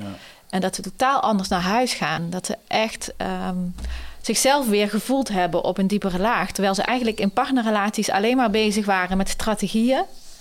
En strategieën zijn gedoemd om te mislukken. Met strategieën bereik je precies het tegendeel wat je probeert te bereiken. Maar je strategie alleen maar- om de relatie bloeiend te houden. En, eh, Strategieën om de andere man, als ik nou zo doe, dan gaat de ander zo doen. En als ik dit nou inzet, dan doet- gaat de ander zo doen. Dus dan ben je constant aan het Ja, is het zo? anticiperen op de ander.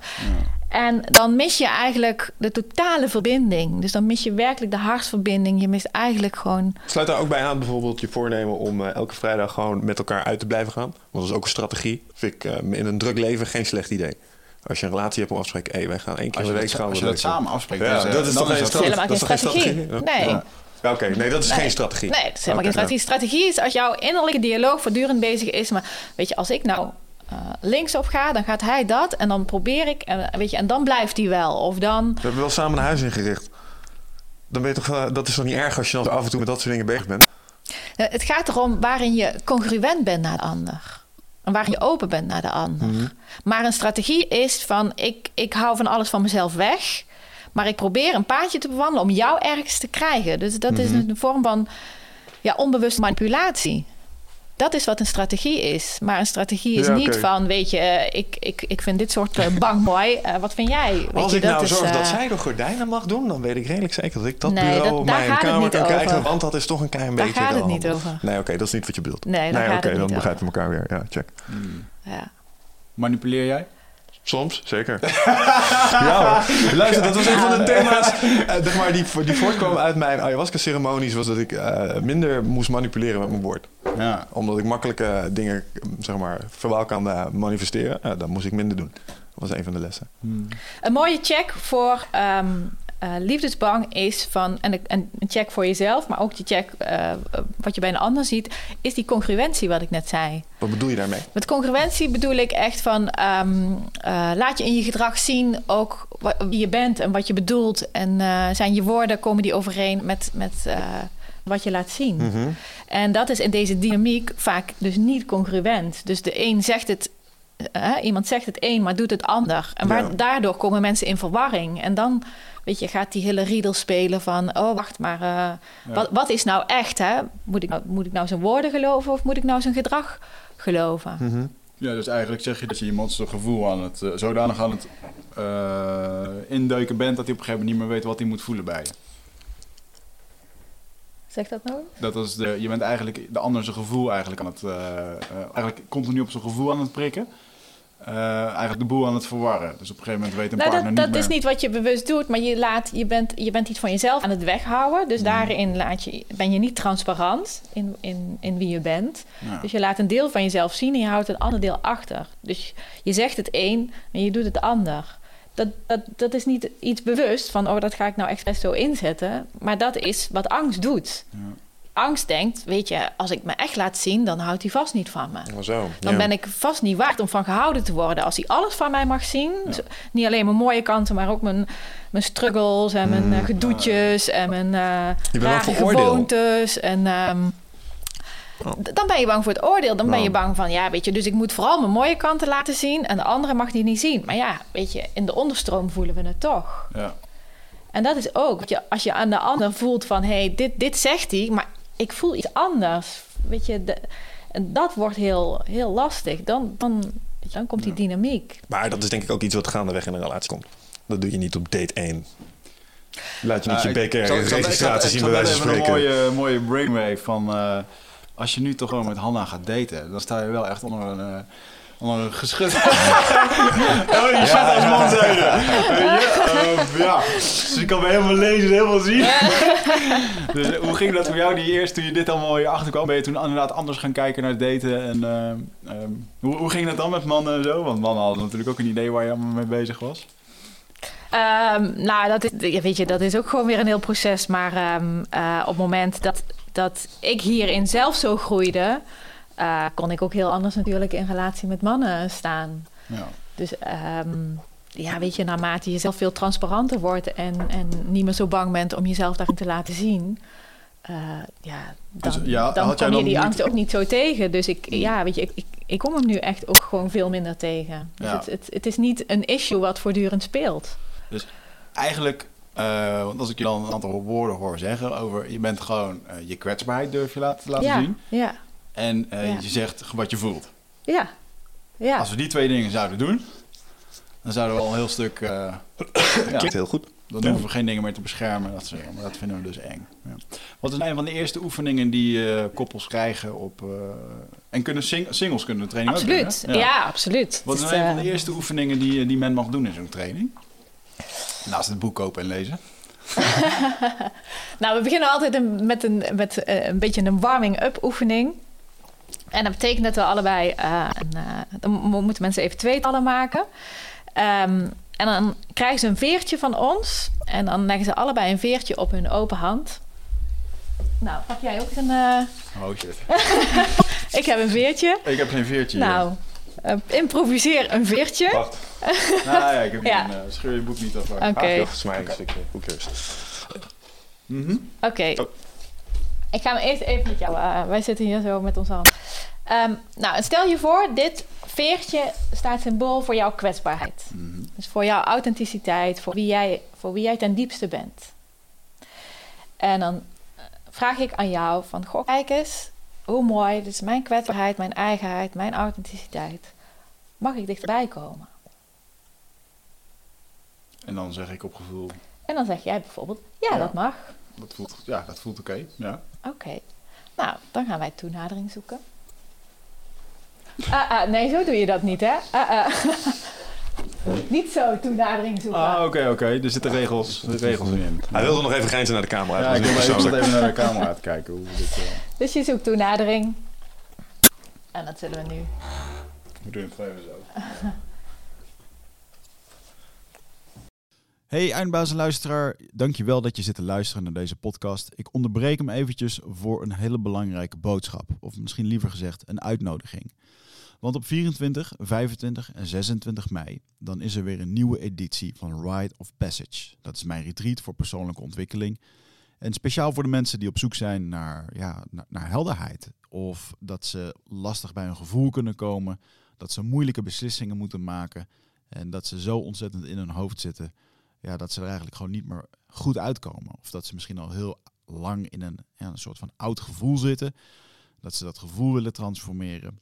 Of misschien wil je gewoon een oud stuk achter je laten. Ergens een punt achter zetten. En ja, zoek je misschien heling op iets wat, wat je te lang hebt weggeduwd of, of hebt vermeden. Daarvoor wil ik je uitnodigen op 24, 25 en 26 mei om in een retreat mee te doen waar de inhoud van het programma geheim is.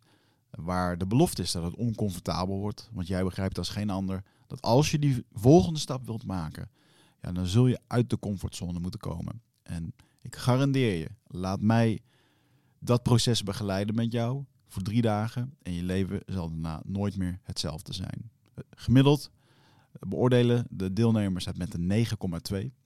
En daar ben ik ontzettend trots op. Er is ook een money back guarantee. Heb je de drie dagen vol, volbracht en vind je het niks, krijg je gewoon je geld terug. Dus het enige risico wat er is, is dat je gelukkiger kan worden. Ik zie je op Bride of Passage. Ga naar wichertmeerman.nl en klik op Retreat.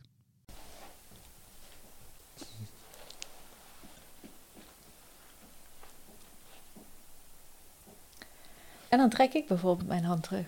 En dan ga jij voelen van, hé, hey, Oké, voor de mensen die thuis zitten te zodra luisteren er en geen YouTube hebben. toenadering is, eh, neemt de ander ineens afstand. Hoe is dat? Hoe ken ik dat van binnen? Ja, dat is heel grappig, want toen je het deed, is mij dan de vraag van oké, hey, trek terug. Ja, even voor de luisteraars Ja, thuis. nou ja, dat is mooi wat je nu zegt, Ja, hè? Die innerlijke dialoog. Er gaan wel dingen af. In Ja. de zin van, wat nu gebeurde was dat Hanna en ik naar elkaar toe gingen met onze hand. En op een gegeven moment trekt Hanna de hand terug. Waardoor bij mij inderdaad de reactie gaat, hé, hey, wat heb ik fout gedaan? Hoezo? Of, Ja. eh, hoezo? Ja. Of eh, was, was ik nu weer te... Was ik, ja, dat was eigenlijk mijn gedachte van, was ik nu weer te hebberig? Of te, weet je, ja, grappig. Ja, eh, weet je, en dat, dat is. Nou, dat, dus dat is een, e- het eerste stapje. Die oefening bestaat uit nog meerdere stapjes. Maar dit is een eerste stapje waarin je dus waarin je eigenlijk de dingen wakker roept die eigenlijk al in je systeem zitten. Want dat is mooi, dat jouw eerste reactie was: hé, hey, doe ik iets verkeerd? Ja, Dat is dus de conclusie die we dan heel snel trekken. Ik doe blijkbaar iets verkeerd. ja. Of, ehm of eh, 9 van de 10 mensen, als ik het doe in de training, als de ander de hand wegtrekt, dan zeggen die mensen van ja, ik voel me afgewezen. Oh, ja. Of ik voelde me in de steek gelaten. Of ik, ehm, eh, ik voelde teleurstelling. En het is bijzonder dat dat je eerste reactie is. Want, weet je, als, als, hè, als wij een relatie zouden hebben... en ik trek mij terug... dan kan voor mij het terugtrekken de boodschap zijn... weet je, ik moet even op mezelf. Ik moet weer even mezelf voelen. Ik moet mezelf voeden. Ik moet weer even ehm, ja, maar het is terug wel... naar mezelf. En als ik, dan kan ik weer naar jou toe. Ja, maar het is wel heel grappig, want dat is, als dit nu ook in mijn huidige relatie gebeurt, wat wel eens gebeurt, dat we een keer een dag elkaar niet, eh, eh, dat, minder loopt in, de, eh, in je omgang inderdaad, dan is dit heel grappig, dan is dit een herkenbaar gevoel. Ja, Van, eh, Ja. eh, En nergens denk je dan, oh ja, dat kan wel even. Soms hebben mensen even nodig. Ze moeten een dagje op zichzelf zijn. Ik ga ja, wat voor mezelf doen. Dat, natuurlijk kan ik dat begrijpen, maar er zit bij mij dan ook een ding, oh heb ik dan wat fout gedaan? Of, eh, dus dat is nog eventjes mijn werk wat ik dan moet doen. Hm. Eh, ja. Ja, je kunt dat met je hoofd heel goed recht praten. Ja. Ik weet niet of jij dat dan doet. Ja. Ik kijk nu even naar jou. Ja, ja, ja, ja. Maar ik, ik ben echt gevoelsmens. Ik kan er echt ziek van zijn. Ja. Ja, ik Eh, heb dat terwijl het helemaal niks met mij te maken heeft. Want je, ja, nogmaals, dat Nou, gebeurt bij jezelf. ik kan er naar kijken, ik kan het zien en dan kan ik denken, oh, dit is grappig. Dit is een of andere eh spasme in mijn, in mijn hersenen en eh, daar ga ik dan even niet mee aan de slag. Ik ga die onzekerheid nu even geen ruimte geven. Want ik weet inmiddels ook door mindfulness, dat als je ermee aan de slag gaat, dan krijgt het een soort van macht over je. Dus tuurlijk heb je wel zo'n onzekerheden, maar als je zo'n onzekerheid ziet opkomen... Ja, ik denk dan gewoon, nee, dat onzin. Waarschijnlijk is het helemaal niet zo erg als je denkt dat het is. Ja. Weet je wel, ik heb even een Ah, ja. dialoogje met mezelf en dan is het ook klaar. Ja, maar dat, ja, dat is jouw manier om daarmee Ja. om te gaan. Ja. Inderdaad. Maar de volgende keer, als die hand weer symbolisch teruggetrokken wordt, hè, dus als dat in je relatie gebeurt, dan komt datzelfde weer. Ja, Dus het is een, het is een trigger voor iets wat jij in je leven kent. ja. En eh, nou, de, de clue daarvan is dat je zonder daar van alles van te vinden of bij te bedenken of conclusies uit te trekken, dat je eigenlijk de lading van die oude pijn loslaat. Eh, ja. Want dat maakt jou vrij ja. En dan zal het je de volgende keer je veel minder raken. Ehm, en het maakt de ander vrij. Want Ja. die voelt zich vrijer om de beweging te maken. Weet je, ik mag weer even naar mezelf. En, Ja. en dat, ik, dat zegt helemaal niet over jou, maar ik mag weer even naar mezelf. Ja. En als ik die, die vrije beweging naar mezelf kan maken, hoe moet ik dan in godsnaam vanuit vrijheid naar jou komen? Ja. En, en, des, en, want anders moet ik mezelf opsplitsen. Als ik denk van, hé, hey, als ik me terugtrek en jij bent afgewezen, Ja. dan ga ik een beetje bij jou blijven. Maar eigenlijk ben ik er al niet meer. Want Ja. ik, ik, heb, ik heb zelf ook even iets nodig. Ja. Terwijl moet- als ik de toestemming mag aan mezelf mag geven van ik mag even vol voor mezelf gaan zorgen, kan ik ook weer vol naar jou. ja, En dan, dan krijg je hem ook veel voller. Interessant. Je haalt de druk eraf. Ik moet dan altijd denken aan zo'n mooie beeldspraak die ze over hebben. Het, het zand op je hand, zeg maar. Als je zand Ja. op je hand laat liggen, dan Ja. blijft het gewoon, tenzij het waait, dan blijft het gewoon liggen. Ja. Maar als je erin gaat knijpen, dan Ja, loopt het tussen je je het vingers door. houden. Dat zijn- ja, precies. Ja. Ja, en dat is, weet je, vasthouden en liefde gaat niet samen. Weet je, dat heeft. Het, het, het, dat is het universele principe van vrijheid. vrijheid. Liefde kan stromen in vrijheid. En Daar zodra er over. binding komt, dan komt de afhankelijkheid. En dan verdwijnt, verdwijnt de liefde. Eens. Maar wat zegt dat over, monogamisch, eh, over monogame relaties dan in dit geval? Want dat loslaten en zo, dat vind ik altijd dat vind ik interessant dat mensen dan zeggen. Dat- Totdat er zeg maar een andere contender of shooter in het spel komt. En dan zijn we, vinden we dat loslaten ineens allemaal een beetje lastig. Er zit ook weer angst achter, als ik je verhaal goed begrijp. Om verlaten te worden of iemand kwijt te raken. En dat als liefde vrij kan, zou moeten vloeien. Dan zouden de zeg maar, kaders die een relatie met zich meebrengen... die zouden eigenlijk ook niet bestaan. Als ik je goed beluister. Klopt dat? Ehm, ik denk dat dat iets is wat iedereen alleen maar voor zichzelf kan uitmaken. Mhm. en kan voelen van wat, wat iemand daarin kan en wil.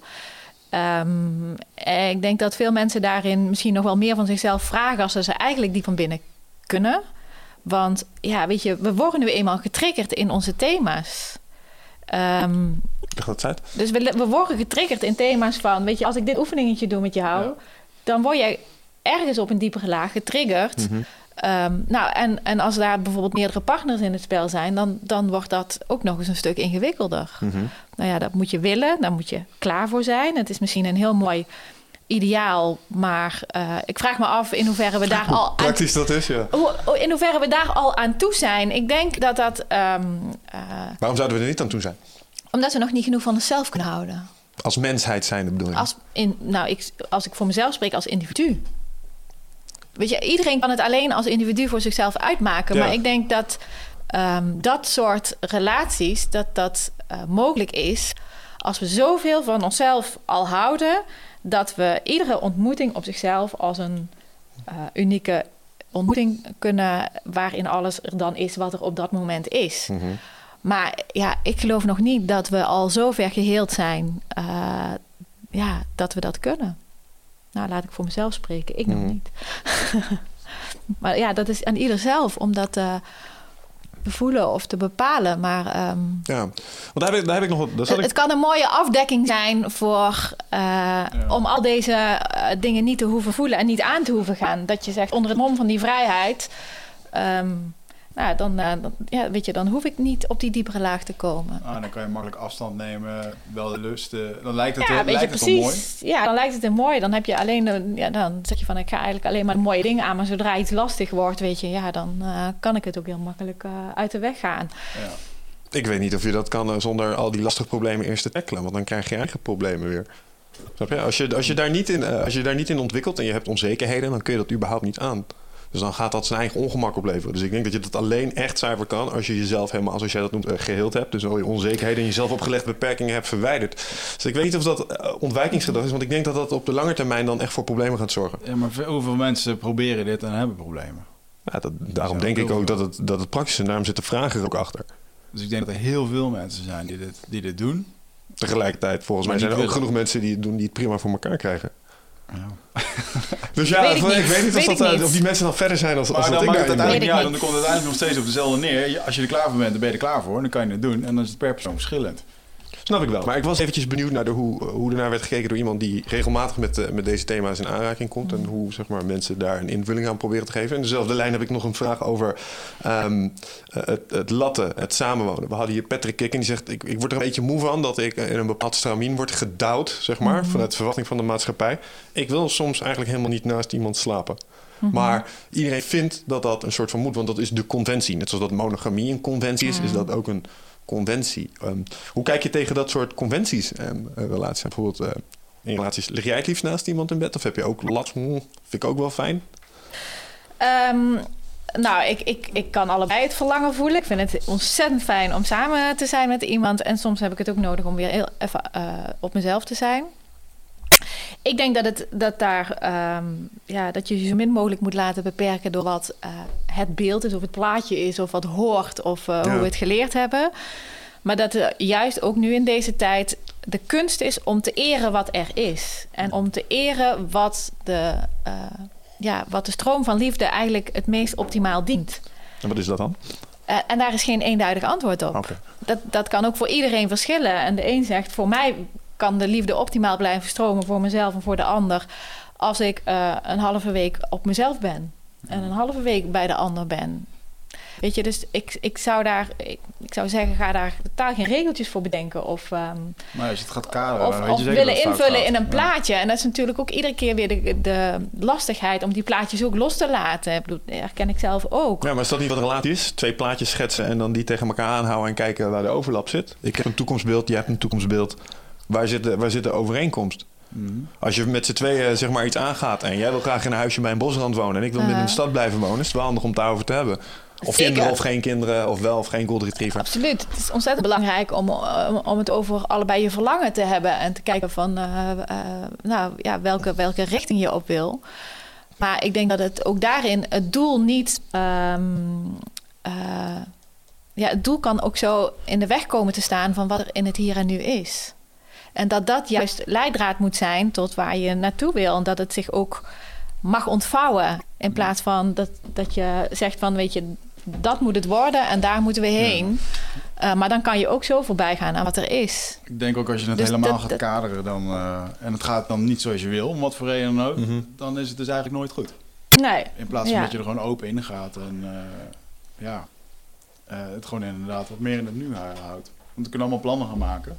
Dat moet je ook wel doen, want wij zijn ook wel van plannen maken en doelen Ja, stellen. het is mooi om een richting te hebben. En om, Maar, om eh, in ieder geval het verlangen. Nee, maar dat is hetzelfde als het, het, eh, zeg maar, het stukje life craften... waarbij je een, een, een carrière of een onderneming najaagt. Natuurlijk zijn doelen heel, eh, heel handig. Maar als het even anders loopt... dan moet je wel de mentale lenigheid hebben... om daar voortva- eh, voortschrijdend inzicht op te hebben. En ik denk dat dat voor relaties niet anders is. Leuk dat je je nu voorneemt om zo zeg maar, te eindigen... maar als er onderweg iets langskomt... eh, wat iets heel anders eh, met zich meebrengt... natuurlijk moet je daarvoor openstaan. ja. Dat lijkt me wel logisch. Ja. Ja. anders doe je jezelf tekort, is wat je zegt. ja, en dan ben je bezig om alleen maar een doel te gaan halen. Maar verlies je eigenlijk al de verbinding. Weet je, en dat, daar was het ook niet om te doen. En Volgens mij was dat ook de tip die Jan Geurts gaf. Eh, zorg dat je heel veel praat in het begin van de relatie. Wat heel veel mensen waarschijnlijk niet echt doen. Als je een beetje aan de oppervlakte blijft. Dan worden dit soort thema's nooit aangeraakt. Ja. Is dat zo? Is dat, eh, is dat een tip die je mensen zou geven? Want ik, ik, ik merk nu, ik ga weer een beetje eh, het datingleven in. Ik vind het vermoeiend. En ik merk dat ik daar ook wel eh, een beetje gewapend met de ervaring van de vorige relatie weer instap. En dat ik met name aan het begin heel, heel duidelijk wil zijn. Zo van, joh, dit is waar ik vandaan kom. Dit is hoe ik er tegenaan kijk. En eh, dit is hoe ik dat eh, voor me zie. En dit is hoe ik het vooral niet voor me zie. Ehm, het luidt een beetje aan, je zei van, ja, je moet niet al te veel een doel hebben. Maar tegelijkertijd denk ik wel dat je redelijk aan, redelijk begin aan, het, aan het begin van de relatie moet aangeven wat je grenzen zijn. Of hoe je er tegenaan kijkt. Of zou je zeggen, ja joh, dan doe je eigenlijk wat we net zeiden, mm, dan laat je het niet ontvouwen en dan ga je het te veel sturen. Nou, ik zou, ik zou vooral in die zin zeggen van ben gewoon, probeer zo congruent mogelijk te zijn. Probeer zo echt mogelijk te zijn. Vertel wa- hè, wat je verlangen zijn, en, maar vertel ook waar je angsten en je onzekerheden liggen. Of waar je. ehm, dus in die zin is het volgens mij heel goed om daar, ja, om daar open in te zijn. Mhm. Om open te zijn van, weet je, dit, eh, Ik denk dat een boel mensen ook met name, ja, dat sluit aan bij het verlatingsangst. Het is afwijzingsangst ook. ja. Als je absoluut. op die manier meteen eh, naar voren trekt. Ja. Ja, Ja. want als je zegt, weet je, ik, ik ga er al een beetje gewapend in. Ja, weet je, ehm, kwetsbaarheid roept kwetsbaarheid op bij de ander. Maar Ja. als jij al gewapend in een eerste contact gaat zitten, zal de ander als eerste onbewuste reactie ook bijna gaan hebben van, oh, ja, dat klinkt, wat, dat klinkt wat agressief. Maar Ja, je gaat ja, natuurlijk met een, ik. met een opgetrokken wenkbrauw. Ga je, oké, ik Ja, heb de laatste keer heb ik het blijkbaar weer vernacheld. Goed gedaan. Weet je wel. Wat gaan we deze keer doen? Maar het lijkt inderdaad alsof jij hem bepakt met een, eh, met een helm en, eh, Ja, een beetje wel en, misschien. een, eh, en een schild. Maar ja, gaat. waarom zijn we hier ook met z'n allen zo mee bezig? Als iets de laatste tijd wel even pijnlijk duidelijk is geworden, is dat je als je echt gaat binden aan iemand, ehm, daar zitten ook risico's aan. En ik denk dat dat is ook waar die angst voor een boel mensen vandaan komt. Het is heel pijnlijk. Ik bedoel, ze- zeven jaar relatie beëindigen. Ik heb wel weer even gemerkt dat, dat lieden ook al... Zeker in de laatste jaren ga je, mensen, ga je wennen aan mensen. En dan vergeet je even hoeveel je van ze houdt. Maar op het moment dat ze weg zijn...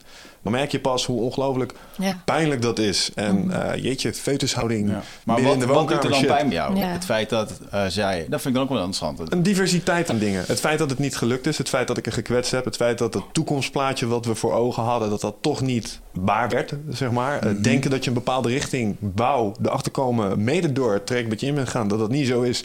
En daar ook weer je twijfels over voelen. Jeetje, wat is dat toch met mij? Je even apart voelen, want ik krijg het blijkbaar niet gedaan. Eh, die relaties, alweer niet. Nou, da- daar zitten de pijnmomenten dan in. Ja, maar dat, zijn, dat komt allemaal voort uit. Want je zegt, eh, eh, ik, ik heb het weer niet goed gedaan in de relatie of dat soort dingen. Dat zijn de, zelf, zijn de beperkende overtuigingen. Oh, natuurlijk. En daar heb ik dan ook wel innerlijke dialoog over. Ah, denk, ja, het, het had niet anders kunnen. Maar dat neemt niet weg dat er soms momenten zijn dat je er wel even ernstig van baalt. Natuurlijk. Ja. En, en dat je als je eh, uitgerust bent met patronen en kennend vermogen, dat je ook wel eens even naar jezelf staat te kijken in de spiegel van, ja, dude, maar en nu dan? Hmm. Nou, dus in dat kader ga je natuurlijk wel met bagage, ga je weer zo'n zo'n zo'n nieuwe stap maken in je leven. Ik merk dat wel. Ik vind dat ook niet gek. Maar ja, het is wel een dingetje. Mhm. Dus eh, werken, jongen. Ja, nou ja dat, is, dat is wat relaties zijn. Nou, niet dus, heb ik hier ja. gehoord. Dus, eh, aan werken, maar dat klinkt dan zo. Werken klinkt zo actief, alsof je. ehm, wat kan ik allemaal doen? Maar de uitdaging is juist wat, wat heb ik allemaal te laten. En in de, in de, in de overgave kan liefde stromen. Maar in de overgave komen we ook onze pijn tegen en onze kwetsbaarheid tegen. ja. Ja. Dus juist in het. In, in werkelijk de overgave, daar, daar moet je zijn. In de, in, want anders ga je je best doen. Want nu moet het anders zijn. Mhm. En het je best doen zit weer de grootste valkuil. En maakt, dat maakt je juist kwetsbaar voor de terugval in die patronen die je zo goed kent. ja. Want ja, als ik zo naar je luister, dan, dan zitten er zoveel oordelen ook over jezelf. Het is weer niet gelukt, ik heb weer gefaald. Eh, Wat is er toch met mij? Eh, weet je, en die zijn zo universeel, want die kennen we allemaal. Ja, maar die herken ik ook wel in mezelf. En, en, en- maar dat is even wat ik bedoelde met... joh, ik ga zo'n dynamiek gewapend in. Natuurlijk ga ik in een eventuele volgende stap die ik daarin ga maken... in wat voor vorm dan ook, ehm, ga ik met die dingen aan de slag. Ehm, maar dat wil niet zeggen dat je zo af en toe... want je vraagt, waar zit de pijn dan? Nou, in de moeilijke momenten zijn dat de dingen... waar ik dan even last van heb. Mhm. En niet zeggen dat we er niet aan werken. Ehm, maar dat is, dat is waar het, het, zeg maar, voor mij de pijn zit... in het beëindigen van een relatie van zeven jaar. Even los van het feit dat ik iemand die ik zeven jaar lang in mijn leven had... die is er nu niet meer. ja. Weet je, laatst had ik even zo'n pijnlijk eenzaam moment. Dan zit je thuis, zat ik achter mijn laptop te werken... en dan kwam er een goede mail binnen. Er was een offerte door. Normaal toette ik dat dan even vrolijk naar mijn vriendinnetje op de bank. En ik toeterde het vrolijk de kamer in, maar er was niemand. Ja. Weet je wel? En dat zijn de momenten waarop je Mm. denkt van... fuck, dit is echt kut. Ja. Dus eh, ja, en dat, dat is wat zeer doet. Dus ja. Goed, ja. Hey, en ehm, we zijn eh, een beetje het uur gepasseerd, dus we moeten eventjes het volgende aan tikken. Eh, naast Liefdesbang heb jij een eh, nieuw pareltje geschreven. Liefdesroep. Ja. Waar gaat dat over? Liefdesroep gaat eigenlijk over het, het vinden van je bestemming. Het gaat erover dat je op zoek gaat van nou, wat in mijn leven geeft mij eigenlijk de allergrootste vervulling. En ik ga ervan uit dat we, hè, als je het dan hebt over die angst en de liefde, we hebben allemaal ehm, in ons zit een, een, rups, maar ook een vlinder. En het is heel makkelijk in ons leven om die rups te blijven. En dan, en dan houden we vast aan zekerheden, aan veiligheden. En dan weten we precies waar we aan toe zijn. En dan weten we van, nou, dit Hmm. is het geld wat ik verdien. En weet je, dit lukt allemaal wel. Maar ik ga ervan uit dat we allemaal ook een verlangen hebben, echt een intrinsiek verlangen om die vlinder te worden. Dat we ergens uh, ja, ons volle potentieel willen benutten, willen inzetten. De ultieme zelfliefde. Nou, ik denk dat dat niet gaat zonder zelfliefde. Dus dat dat ook de, de uitdaging in zich draagt al van, van hey, uh, als ik vol wil vliegen en ik wil vol stralen en ik wil vol alles kunnen laten zien wat ik in me heb, dat dat, uh, ja, dat, dat moet gaan met zelfliefde. Dat dat alleen maar kan gaan vanuit zelfliefde. Um, en ik ga ervan uit dat ik geloof daarin als we die stap kunnen maken. We kunnen, mensen kunnen de stap maken van uh, angst. En, en dan heb ik het over levensangst, doodangst. Naar dat volle potentieel. Uh, dat je echt je talent leeft. Dat je echt je kwaliteiten vol durft in te zetten. Dat je eigenlijk vol in het licht daarmee durft te gaan staan. Dat, je dan, dat we dan eigenlijk de wereld met z'n allen op een hoger plan kunnen tillen. Dat we dan die wereld echt mooier kunnen maken. Maar we zijn soms zo bang om voor dat volle talent te gaan. En uh, houden we onszelf klein. Hmm. En liefdesroep daagt je eigenlijk uit, nodigt je uit om die stap te maken van angst naar liefde. Dus dit, waar liefdesbang gaat over, die, over het romantische stuk, zeg maar, van de romantische liefde, hmm. gaat liefdesroep eigenlijk over. Um, weet je, iedereen voelt heel diep van binnen in zijn hart. Maar als ik echt zou doen wat ik zou willen doen in dit leven, in mijn leven, nou, dan zou ik dit doen. Dan zat ik niet op dit kantoor nu. Bijvoorbeeld, bijvoorbeeld. Niet wij nu, hè? de mensen die hier luisteren. Ja. Ja, uh, hoeveel mensen, uh, weet je, een vriendin van mij vroeg haar laatste keer op een verjaardag van... Goh, heb je gewerkt vandaag? Nee, ik doe op mijn verjaardag geen dingen die ik niet graag doe. En dan denk ik, jeetje, daar schrik ik daar eigenlijk van. van um, ja. En, en nou ja, weet je, ik, ik kan zelf ontzettend blij zijn met dat ik nu de dingen doe waar ik waar ik allemaal passie en bezieling bij voel. En hoeveel vervulling dat al geeft. Ja. En dat ik voel van, hé, hey, ik ben de dingen aan het doen die er totaal toe doen voor mezelf. En ik zou, weet je, al zou ik er geen geld mee verdienen... of ik zou, ik zou het nog willen blijven doen. Mhm. Ehm, en als iedereen dat talent gaat inzetten... die liefdesroep gaat volgen... ja, dan, dan komen we ergens. Dan uh, gaan we het verschil maken. Dat geloof ik ook echt. En eh, ik vind het echt heel leuk dat je eh, deze thematiek ook hebt. Ik, ik, ik heb altijd heel erg geworsteld met de vraag. Eh, want wij, wij zeggen ook, je moet je passie volgen. Je moet in je quizbol gaan zitten. We hebben allemaal mooie dingen over gehoord. Alleen dat grote probleem waar ik dan altijd tegenaan liep... is op het moment als mensen... Maar dan vroegen, ja, maar hoe doe ik dat dan? die vragen ook eens gehad. Of hoe vind je dan je passie? Wil je een kopje thee tussendoor? Lekker, ja. Ja, ik eigenlijk ook wel. Dat ik het altijd heel moeilijk vond om te beantwoorden. Ja, hoe krijg je dat nou eigenlijk boven water? Ja. Nou, de Simon Sinek die had daar laatst een hele interessante voor. Die zegt, je moet zorgen dat passie en doel elkaar kruisen.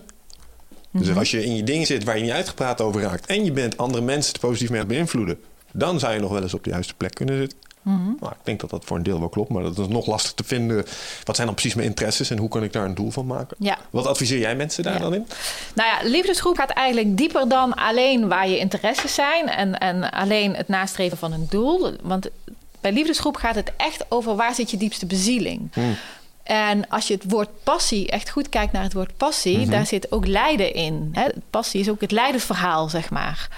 En ehm, wat je heel vaak ziet bij mensen die daarin uh, ja, echt, echt de bezieling leven, is dat ze iets hebben weten om te zetten in hun eigen leven, wat eerst um, ja, een soort schaduwkant was, of waar een, een pijnkant was, of een gemiskant. Mm um, en dat hebben ze weten om te zetten in een kracht. Uh, en dat is wat, uh, waar de bezieling ligt. Dat als, als, als je echt voelt van... hé, hey, maar hier heb ik in mijn leven mee geworsteld... zoals ik met mijn liefdesbang heb geworsteld... Mhm. en heb dat zo weten om te zetten in, uh, uh, in kracht...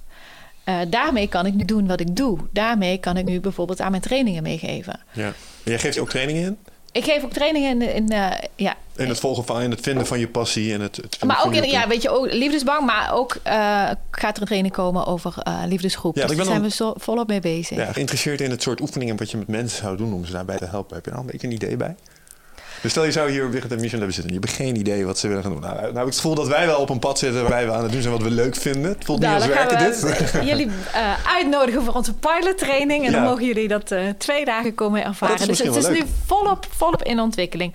Maar ik wil eigenlijk nog als het over liefdesgroep, uh, een prachtig voorbeeld mhm. over een liefdesgroep waar ik zo geraakt werd.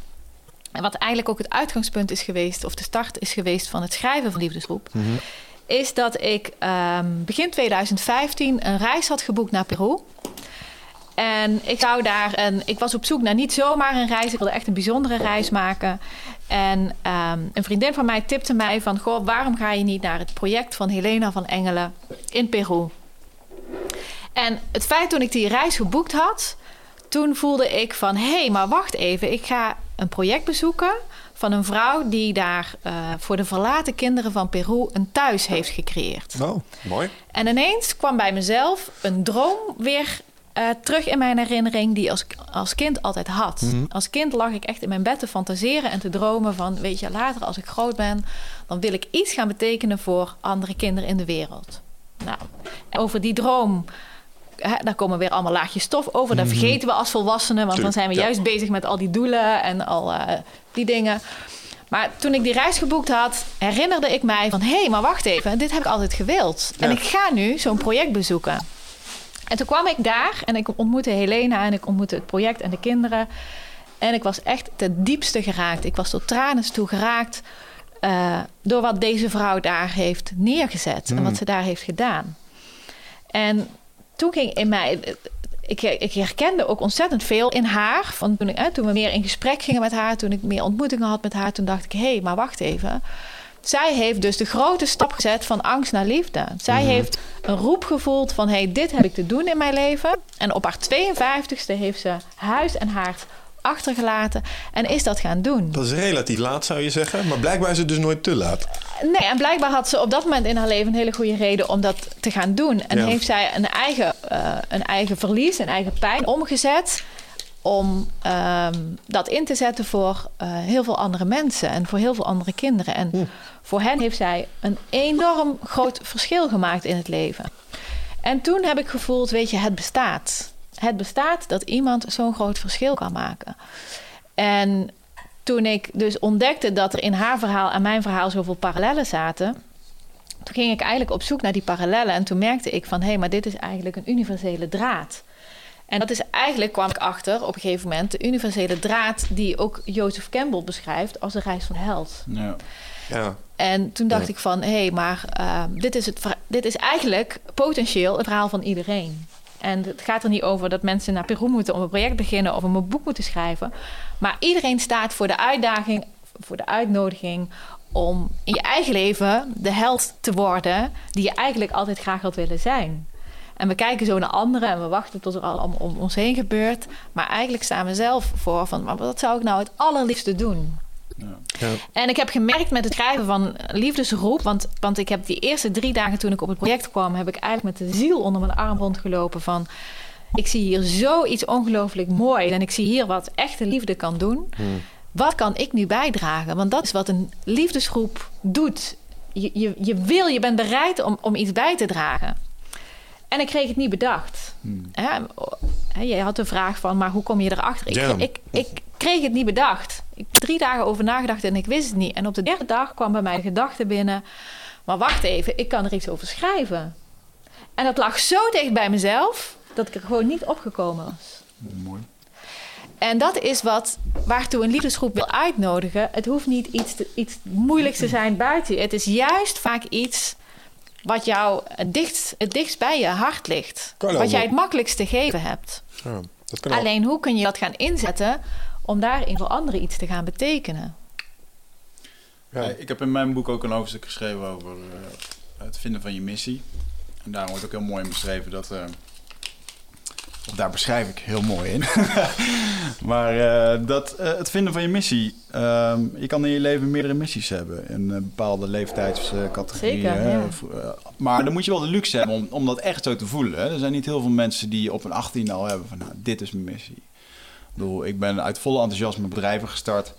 eh, waarvan ik heel erg dacht van ja, dit gaat het worden. Maar dat was nooit de missie, zeg maar. Ehm, wat ik daar wel echt in heb geleerd is dat de missie wordt je echt gegeven. Het is niet iets wat, eh, wat je zelf bedenkt. Dat komt gewoon in één keer binnen. En dan is er ook eigenlijk geen weg meer terug. Mhm. Is dat niet je pad vinden? Ja, tuurlijk. Ja. Ja, ja. Ik denk, nou ja, goed, je, je pad vinden. Ik denk dat ehm, gaandeweg, dat is de eerste stap van die held, hè, dat je je het pad gaat bewandelen. De calling. Ja, Ja, en dan, eh, rock. gaandeweg door al het falen en door al het bezoeken en door het naar Peru gaan, kom je in één keer tot het idee van, hé, hey, eh, dit moet ik gaan doen. En wat jij net heel mooi beschreef, wat mooi wat zij er allemaal deed. Ik beschrijf ook in mijn boek ehm, dat een, een missie staat altijd in dienst van anderen. Nooit van jezelf. Ja, mooi. En dat is wel een hele mooie... Ja. eh, ja. Ja, waar ik aan moest denken was dat... eh, want mensen denken vaak bij dit soort dingen aan groot, groter, groots. Weet je, een, een weeshuis in Peru, dat, dat is zou potentieel Nee, een boel nee, mensen. nee. Dat kan ik. Maar ik moest heel erg denken aan ehm, Carlo, was het toch? Carlo-momentjes. Via Jaap Carlos. Bresser, Ja. Carlos. Ja, van Ja Bressers. Ja, nou, Jaap is hier ook staat, in mijn, geweest. staat in het boek Echt waar? Liefdesroep. Oké, nou hij, dus, Ja, hij omschrijft dat je zeg maar met de meest kleine Ja, interacties... precies. kun je dit gewoon al Precies, doen. Een hand op de schouder van Ja. iemand die in het ziekenhuis Ja. ligt... is genoeg om Ja. zoiets te kunnen Ja. doen. Ah, Weet je wat een prachtig voorbeeld is van een liefdesgroep? Wat we allemaal waarschijnlijk hebben meegekregen. En dat is een mooi voorbeeld omdat het juist zo klein begon. Het voorbeeld van Tijn met Serious Request. De jongen van zes jaar, Mhm. Tijn, die bij het, bij het glazen huis aanklopte. En die het idee had, ik wil dat iedereen eh, zijn nagels lakt eh, voor 1 euro. En als je dat niet doet, moet je 10 euro betalen. En Tijn was zelf ongeneeslijk ziek. Die had hersenstamkanker. Hm. Dus hij voelde zijn verlangen van hé, hey, hij kent dat. Hij wilde iets betekenen voor andere kinderen die ook ziek zijn, maar die met de juiste hulp nog wel eh, de kans hebben om beter te worden. En hij wist, ik word niet meer beter. Dus eh, met dat, eh, met de nagellakactie kwam hij daar binnen. En met die na- nagellakactie, ja, daar veroverde hij de harten van de DJ's eigenlijk meteen mee. En ehm, hij, het was zijn intentie om 100 euro in te zamelen. En het werd in een week 2,5 miljoen. Jezus. Door de actie van Tijn. Dus een liefdesgroep is datgene wat heel puur uit je hart komt. En Tijn, en dat is ook wat ik bedoel met een liefdesgroep, zet vaak iets wat in de schaduw ligt om in het, in het licht. Ja.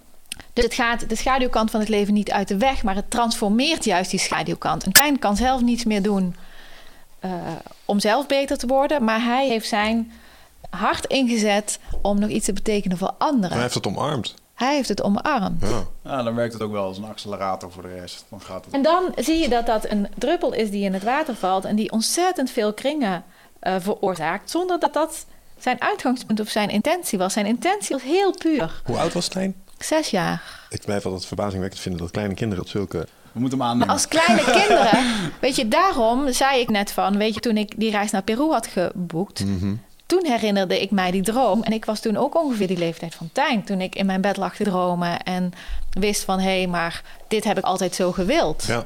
Als kinderen zijn we daar nog veel puur en dichterbij. Maar als we verder, en we, er zijn allerlei verwachtingen en dingen waar we aan moeten voldoen, dan raken we weg van die droom. Dus een van die richtingwijzers om weer bij je liefdesgroep uit te komen, eh, daar vroeg je net naar, was van eh, wa- waar, als je werkelijk durft te dromen, als je durft te fantaseren, dat zijn we afgeleerd als volwassenen. Ja. Maar als je werkelijk weer, als alles mogelijk is en je mag even vol alles openzetten en je mag vol dromen van, nou, waarvan zeg je dan, hé, hey, maar aan het eind van mijn leven wil ik dit, dat ik dit gedaan heb.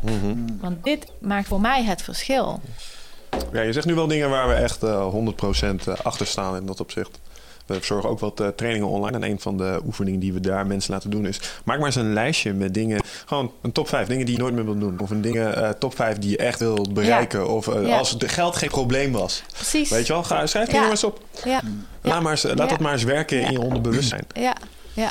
Of wa- wat, wat, wat geeft je energie en wat kost je energie? Dat is ook zo'n belangrijke richtingwijzer. Hoeveel dingen zijn we nog op een dag aan het doen waar we eigenlijk, waar we eigenlijk niet de energie voor hebben, maar waar, waar we vol energie van krijgen, zijn vaak de dingen waar ons hart ligt, waar Ja. we vleugels van krijgen, die we, die we graag doen. Wat is dat bij jou? Wat we hier aan het doen zijn. Ja.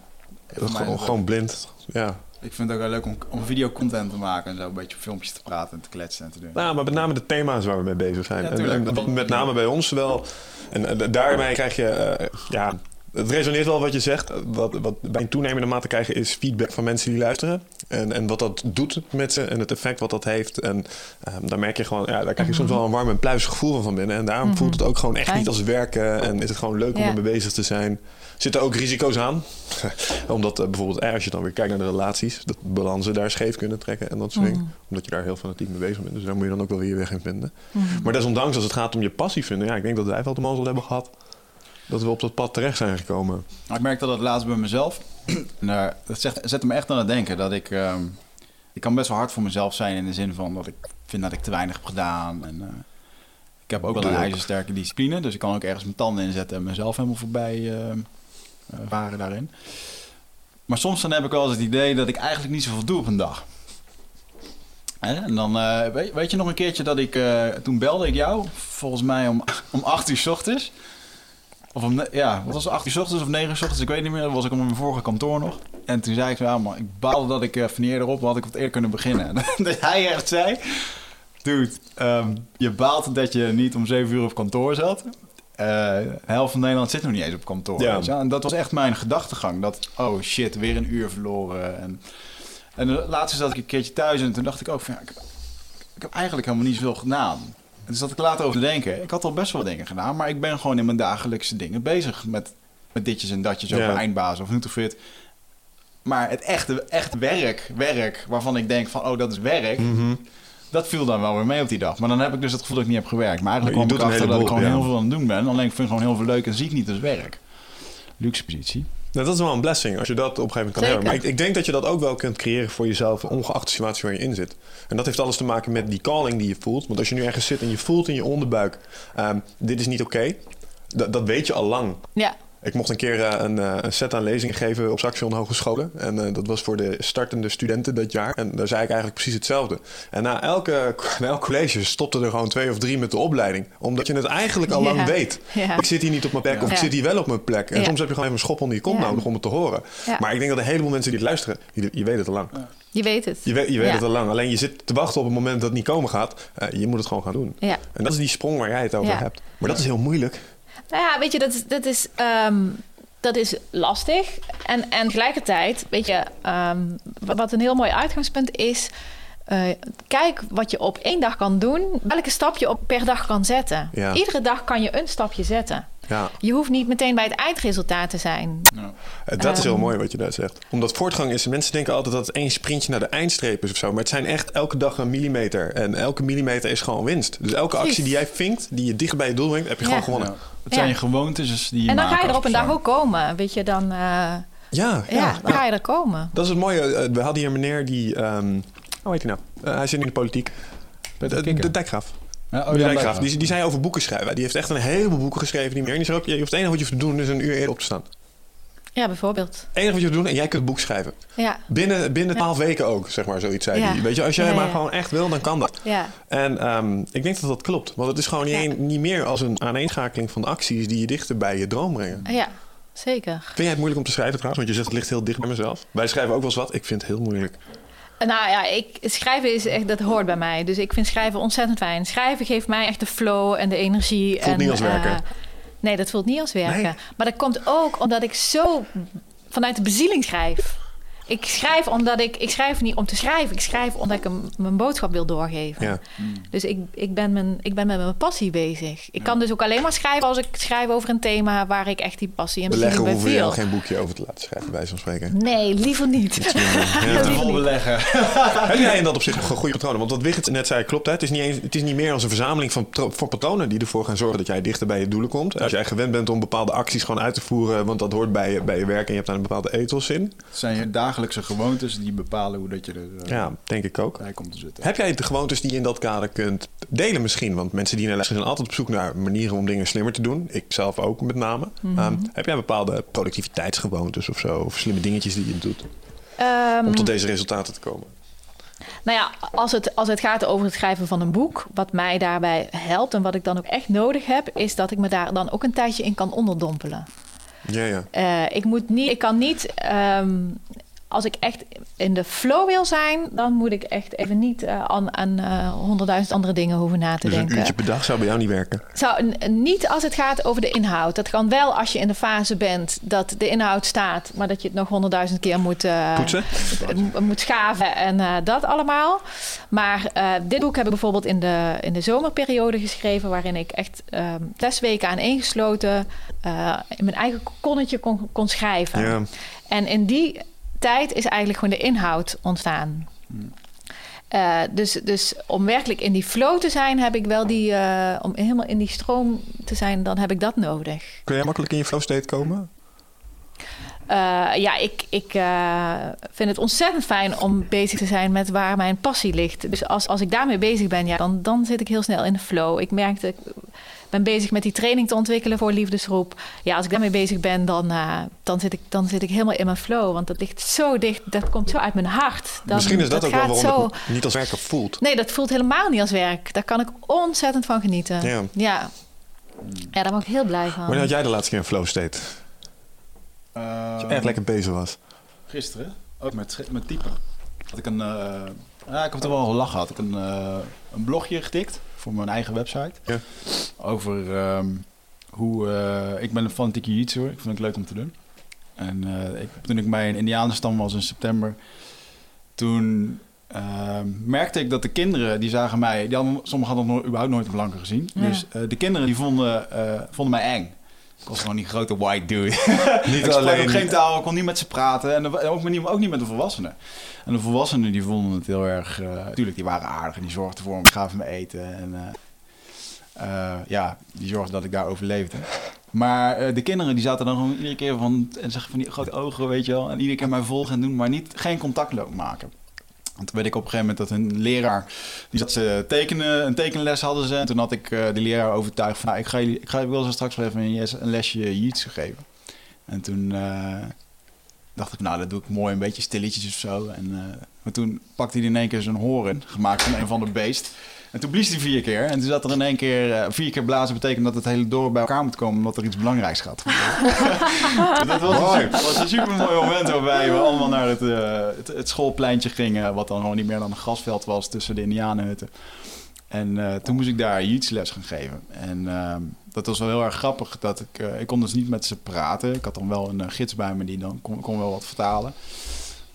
Maar het mooie was dat, uh, dat ze ook daar nog heel erg voorzichtig waren. Of ja, we hadden nog nooit van iets gehoord. Of natuurlijk, uh, iedereen stoeit wel een keertje. En toen, ja, toen zat ik in het begin een beetje techniekjes uit te leggen en zo. Dat vonden ze ook nog wel oké.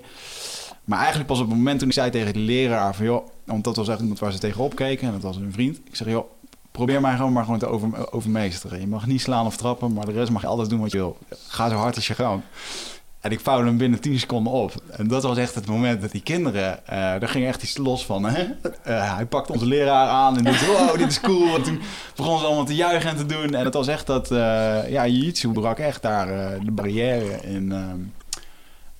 in het contact met de kinderen. En toen vonden ze het ook helemaal niet erg om in de buurt te zijn. Of toen stonden ze iedere dag aan mijn hangmat te, te kletsen en te doen. Hm. ik vond het wel een mooi moment. Dus daar had ik een blogje over geschreven. Ja, lang, lang, uh, lang verhaal om even Lekker in de flow. Ja, oké, okay, ja, maar soms heb je dat. Mm. Leuk. Mm. Maar ja, dus um, we, we, kwamen hierop door uh, um, nou ja, dus het, het, volgen van je passies. Um, je gaat daar een aantal uh, trainingen in verzorgen, gaf je aan. Mm -hmm. Ik vroeg me af, dit soort dingen, als je dan ook kijkt naar de, de, de oefeningsvormen die je doet, is dat ook iets wat je is dat iets wat je echt in een sessie zeg maar, bij jullie moet doen? Of is dat ook iets wat je bijvoorbeeld in een format als dit... Uh, waar je mensen best wel een heel eind in kan meenemen? Want dit zijn wel thema's, weet je wel, die raken mensen. Ik vind het ook altijd wel leuk om hier...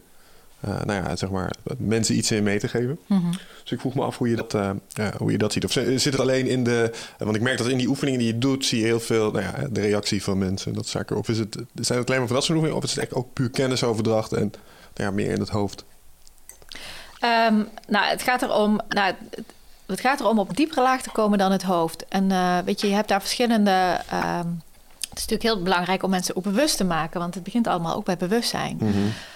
um, maar wat we willen eigenlijk is om mensen ook werkelijk in hun hart te raken en, en waar de bezieling ligt. Want daar ligt echt daar ligt je liefdesgroep. Dus in die zin kun je ook een liefdesgroep niet bedacht krijgen. Dat zei jij net ook heel mooi. Mm. Hè? Je, je kan niet denken van, oh. Um, maar het is vaak ook hoe kun je het hoe kun je dat wat je eigenlijk al heel goed kent, of wat, waar je kwaliteiten liggen, of waar je altijd al je passie heeft gelegen, hoe kan je dat gaan inzetten, um, zodat jouw persoonlijk belang overeenkomt met een hoger belang? Dat zei je net ook heel mooi, want dat is wat ook een liefdesgroep doet, dat het, dat het een overstijgend belang heeft. Ja.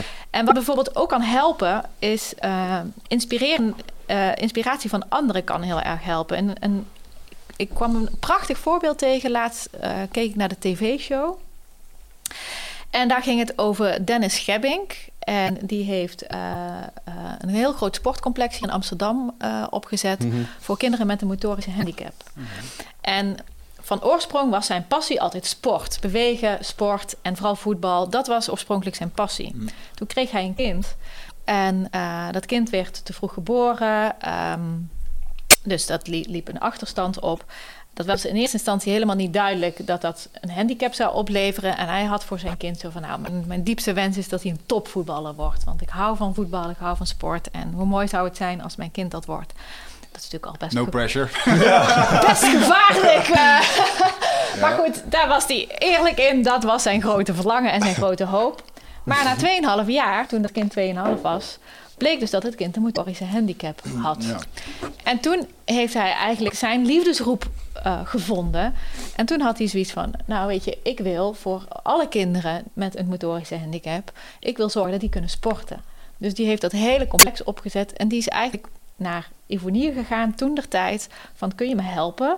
Eh, want dit is mijn plan. En toen had Ivon- Ivonier gezegd van... weet je, ik geloof daar niet in. Dit is zo groot wat jij wil.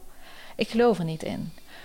En nu is hij dus teruggekomen bij Ivonier. En nu heeft hij het allemaal al bereikt. Mooi. En nu zegt Ivonier, weet je... ehm, het is zo ongelooflijk prachtig dat jij dit bereikt hebt. En die man, wat ik zo mooi vond wat hij vertelde... was dat er mensen naartoe kwamen om hem te vragen van... wat is jouw managementplan? Want ik wil, dat, ik wil ook zo'n concept Mm. ergens gaan neerzetten. En toen zei hij, een managementplan, dat heb ik niet. Mijn managementplan heet een scheur in het hart. Nou, mooi. En dat is, eh, dat is de kern van een liefdesgroep. Hij heeft zijn eigen pijn, hè, de, de, de motorische handicap van zijn zoon... en zijn eigen verdriet daarover...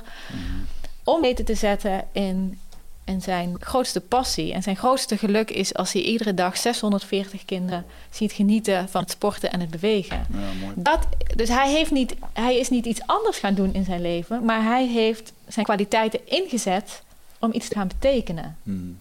Dus dat, dat sport, dat lag zo dicht bij hem. En dat is de, daarin zit de bezieling, omdat hij zelf als geen ander weet hoe belangrijk het is. Ja. En dat is niet na te doen. Dus dat is niet een managementplan wat je kan overnemen. Maar Nee. dat is, iedereen moet op zoek naar die eigen bezieling. Van wat, wat de scheur is in je eigen leven waarvan je zegt... weet je, daar heb ik mee moeten dealen. Maar de grootste voldoening zit vaak daarin... dat je juist daarin een ander verder kan helpen. Weet je, als ik na mijn training liefdesbang mensen zo eh, de transformatie heb gezien bij mensen en die open gaan en die zich opnieuw weer kwetsbaar durven op te stellen of die weer opnieuw bij hun kracht uitkomen en die het weer durven aangaan in partnerrelaties. Daar zit mijn grootste geluk, want Ja. ik weet als geen ander waar ze vandaan komen. Het is zo mooi om te zien als mensen aangaan op iets, op hun Ja, specifieke precies. thema. Ik kan me nog herinneren dat ik een keer op een IT-congres stond. En toen stond ik, eh, dan mocht ik zelf ook iets vertellen. Toen stond ik naast een meneer.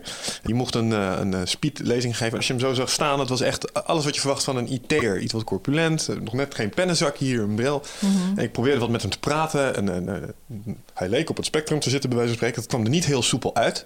Dus ik dacht, deze meneer die moet zo voor deze zaal een verhaal gaan vertellen. Dit wordt echt heel interessant. Dus ik stond al praktisch met plaatsvervangende schaamte stond ik er al naar te kijken.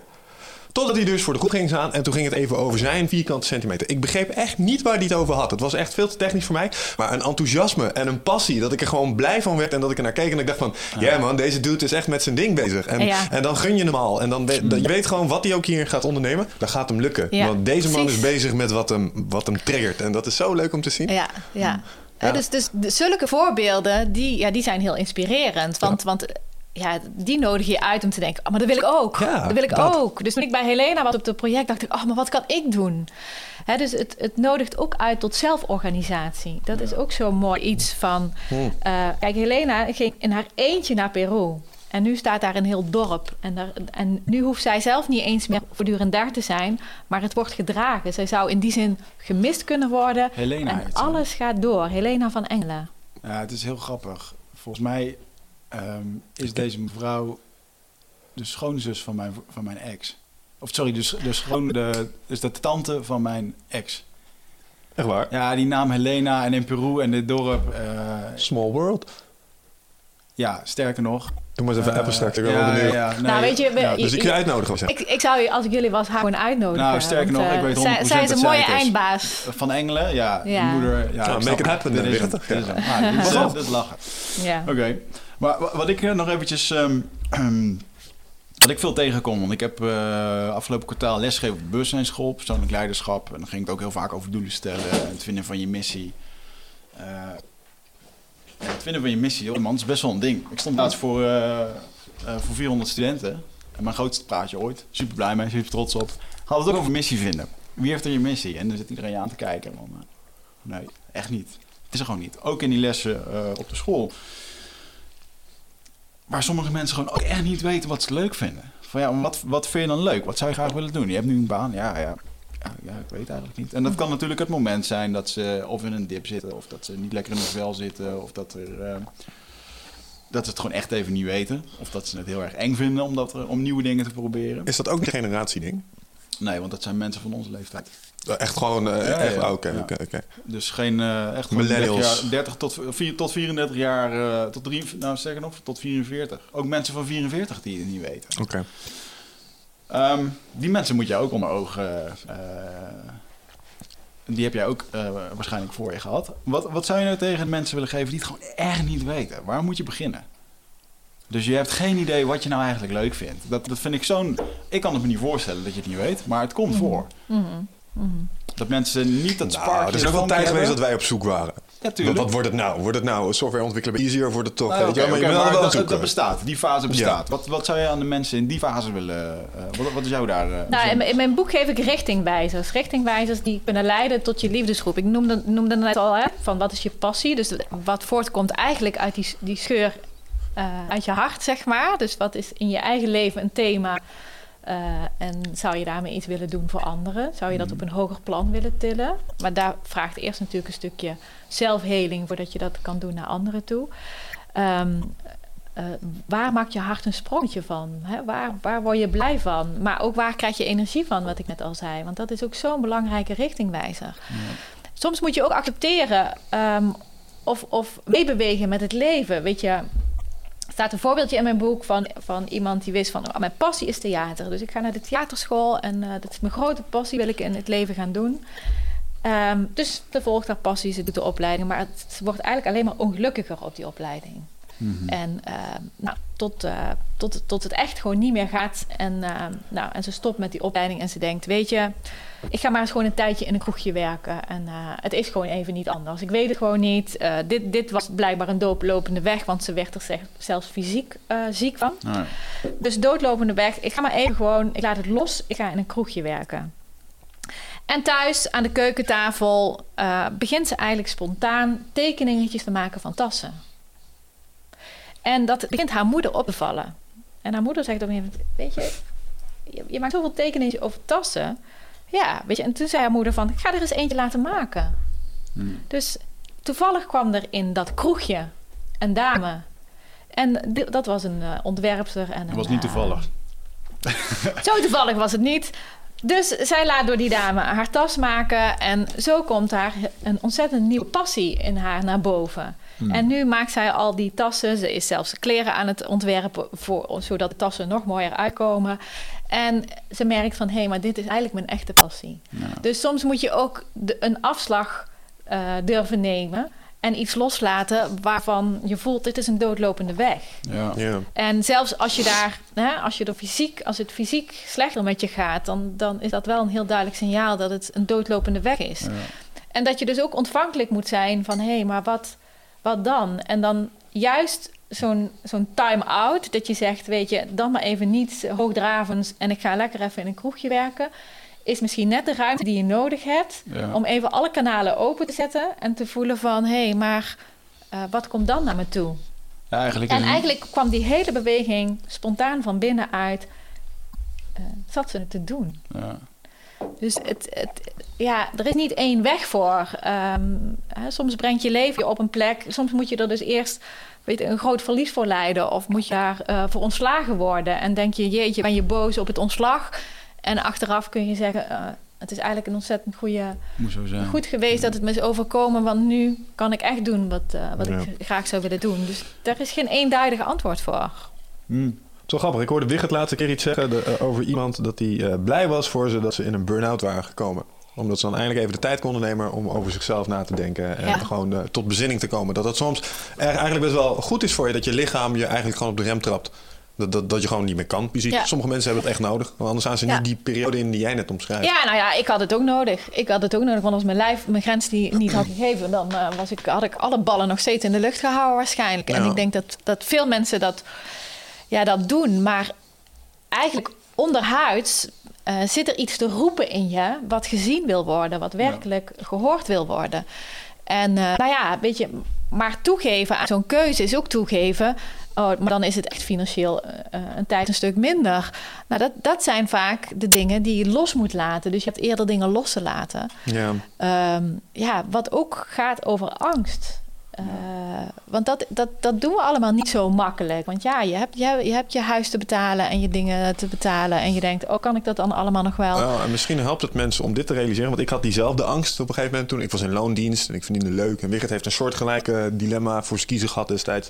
Ehm, en dan ga je de sprong maken. En dan ga je er in principe voor je gevoel... En zeker in het begin ga je er inderdaad op achteruit. Maar de, de truc is vaak dat als je echt eh, de sprong maakt voor je passie... Ja. dat komt terug. Dat, Ja, dat is een je, soort investering of zo. Dat- Het was de beste periode die, die ik me maak kon. Het is de, de grootste omkeer geweest. Het heeft, het heeft zoveel goeds teweeg gebracht. Ja. Dus ik ben die periode eigenlijk gewoon alleen maar ontzettend dankbaar. En, en die burn-out eh, ook ontzettend dankbaar. En dat ik eh, ja, de moed heb gehad om te zeggen van... weet je, en ik... eh, Ja. En, en vroeg of laat heb je gewoon geen keuze meer. Dus ik zou iedereen een bij wijze van spreken willen adviseren die op dat punt zit van luister er alsjeblieft naar. Want het, het vertrouw op de onderstroom dat het eh, iets goeds met je voor heeft. Ja. Ik heb een keer gehoord dat Nederlanders echt heel koppig zijn. En dat ze... ehm, dat ik denk dat Nederlanders met name gewoon zichzelf een paar keer voorbij moeten lopen. En als ik naar mezelf kijk, mensen hebben mij destijds ook wel aan mijn mouw getrokken. Hey, ga je niet snel, ga je niet hard. Ik heb ook een burn-out mogen omgaan. Wigert ook. Ik denk dat er ook mensen aan de zijlijn bij hen hebben staan roepen van... Hey, doe eens kalm man. Doen we niet. Ja. Wij Nee. moeten eerst de neus stoten en dan... ja. eh, ja, Ja. ja, blijkbaar. Het is kan wel hard zijn. voor die rust kan je in één keer wel zien. Dat is ook weet je, het meest makkelijke voorbeeld dat je kunt geven. Als mensen op vakantie gaan, dan komen ze terug vol ideeën en dingen. Ze hebben even drie weken niet die mailbox op openen. Ja. Ja, de mailbox open. En dan, zeker toen ik hiervoor nog bij een bedrijf werkte, dan kwamen er ook altijd jongens terug. Ja, ik heb erover na zitten denken. Ik ga wat doen samen met een vriend en dit en dat. Ja, je gaat samen alle twee weer aan het werk en het gebeurt vervolgens gewoon niet. ja. Het appt er weg. Ehm, en inderdaad, als je eventjes eh, zes weken in een hutje op de hei gaat zitten, dan eh, kom je wel weer tot ideeën en inzichten. Ik ja, dat- sluit ook aan bij wat David Ja, dus Allen je zegt. gun jezelf ook de stap terug even. Gun Ja. jezelf even een... eh, ja, we we zijn zo in die actieve stand bezig. Maar die andere kant, ja, wil je echt een, een, eh, ontvankelijk zijn voor die Ja. zuivere onderstroom... Je wil ruimte moet maken je voor echt die ideeën. even actief rust, rust nemen. Ja, David Allen die had een... eh, weet je wie David Allen is? nee. David Allen is een meneer die heeft een boekje geschreven. En trouwens, dat sluit aan bij eh, de titel van mijn boek. Niet Getting Things Done, maar Get Shit Done, zeg maar. Dat zou de titel van Get mijn Shit Done. Get Dat Shit Done, jouw- dat zou de titel van mijn boek zijn geweest. Goeie man. Even. Ehm, maar die meneer die schreef, eh, die omschrijft een systeem waarbij hij eigenlijk zegt... wat je moet doen is niet op je hersenen vertrouwen, alles leegmaken. Dus gooi alles uit je hoofd. Want je hoofd is gemaakt om ideeën te krijgen, niet om ze te onthouden. En wat jij omschrijft is op zo'n moment dat je eigenlijk even op non-actief gaat... loop je hoofd leeg. Met al die mailtjes, dingetjes, trivialiteiten die je de hele dag door moet onthouden. En dan ineens komt er plek, clear space Ja. noemt hij dat... voor inspiratie, voor ideeën, eh, voor allerlei ja, nieuwe inzichten, eh, zelfreflectie. Ja. Dus ik denk dat dat het mechaniek is wat daarachter zit. Dat als je die pauze neemt, dat, dat, je, dat je de voorkant van je bewustzijn loopt leeg. Waardoor je onderbewustzijn ook wat ruimte krijgt. En Ja. nou ja, het, is tegenwoordig heel hip, met name om je onderbewustzijn voor je te laten werken. Want dat doet ook echt een heleboel. Mm. Als je het maar de ruimte geeft om zijn ding te doen. Ja. Wat, eh, het schiet me in één keer te binnen dat ehm, eh, een van mijn favoriete ehm, auteurs, Graham Hancock, die schrijft veel over geschiedenis en zo, maar die schrijft twee genres eh, boeken. En daar had zijn uitgever, Amerikaanse uitgever, die vond dat niet fijn. Want je staat bekend als, de, als die auteur over dat bepaald onderwerp en blijf er alsjeblieft over schrijven, want anders verkoop je andere boeken. Graham Hancock bedoel je? Eh, Zoals we nu over zitten praten, is het heel erg persoonlijk leiderschapachtig. Zo van eh, doelen stellen, je moet je missie vinden. Terwijl je andere boek, Liefdesbang, is weer, tikt een heel ander ding aan. Ehm doet je uitgever daar moeilijk over? en, is, eh, ja, maar is, en is dat zelf bij jou eh, doorgaan? Heb je trek je hier een ander publiek mee met dit boek wat je nu schrijft? Of, eh, Nou, dat zullen we ontdekken. Geen idee. ja, nou, ik, ik, ik heb in ieder geval al van ontzettend veel mensen gehoord die Liefdesbank gelezen hebben, dat ze ook eh Liefdesroep zijn gaan lezen. Weet je, er zit en een parallel in en het, het, het is gewoon een totaal nieuw boek. En tegelijkertijd zit er ook een, een duidelijk verband in. Hè, waar liefdesbang gaat over van lief, liefdesbang naar liefdesvrij, gaat liefdesroep over van levensbang naar levensvrij. Dus Ja. echt, hè, wat ik straks vertelde over de sprong kunnen maken van die rups tot die vlinder. Ehm, en dat heeft ook te maken met je vrijmaken van angst en vol in de liefde durven gaan. Wow. Ehm, dus daar zit een grote parallel in. Maar eh, nee, ik, ik heb echt het voorrecht en het geluk dat ik een uitgever heb die mij de totale vrijheid laat. En ik eh, vol kan, mijn eigen passie kan volgen en eh, die, dat, die daar vol in eh, ondersteunt. En ehm, Mooi. daarin achter me staat. Dus eh, dat is echt. eh, We moeten het boek gaan kopen. We zullen nog wel even een boekreview. We gaan boekreviews doen. Ja, en eh, dus, eh, toen jij thee aan het zetten was, toen hebben wij een uitnodiging gekregen. En dat is misschien een leuke eindbazen-experience. Om Oh, ja. de eerste pilottraining voor, eh, wat was het?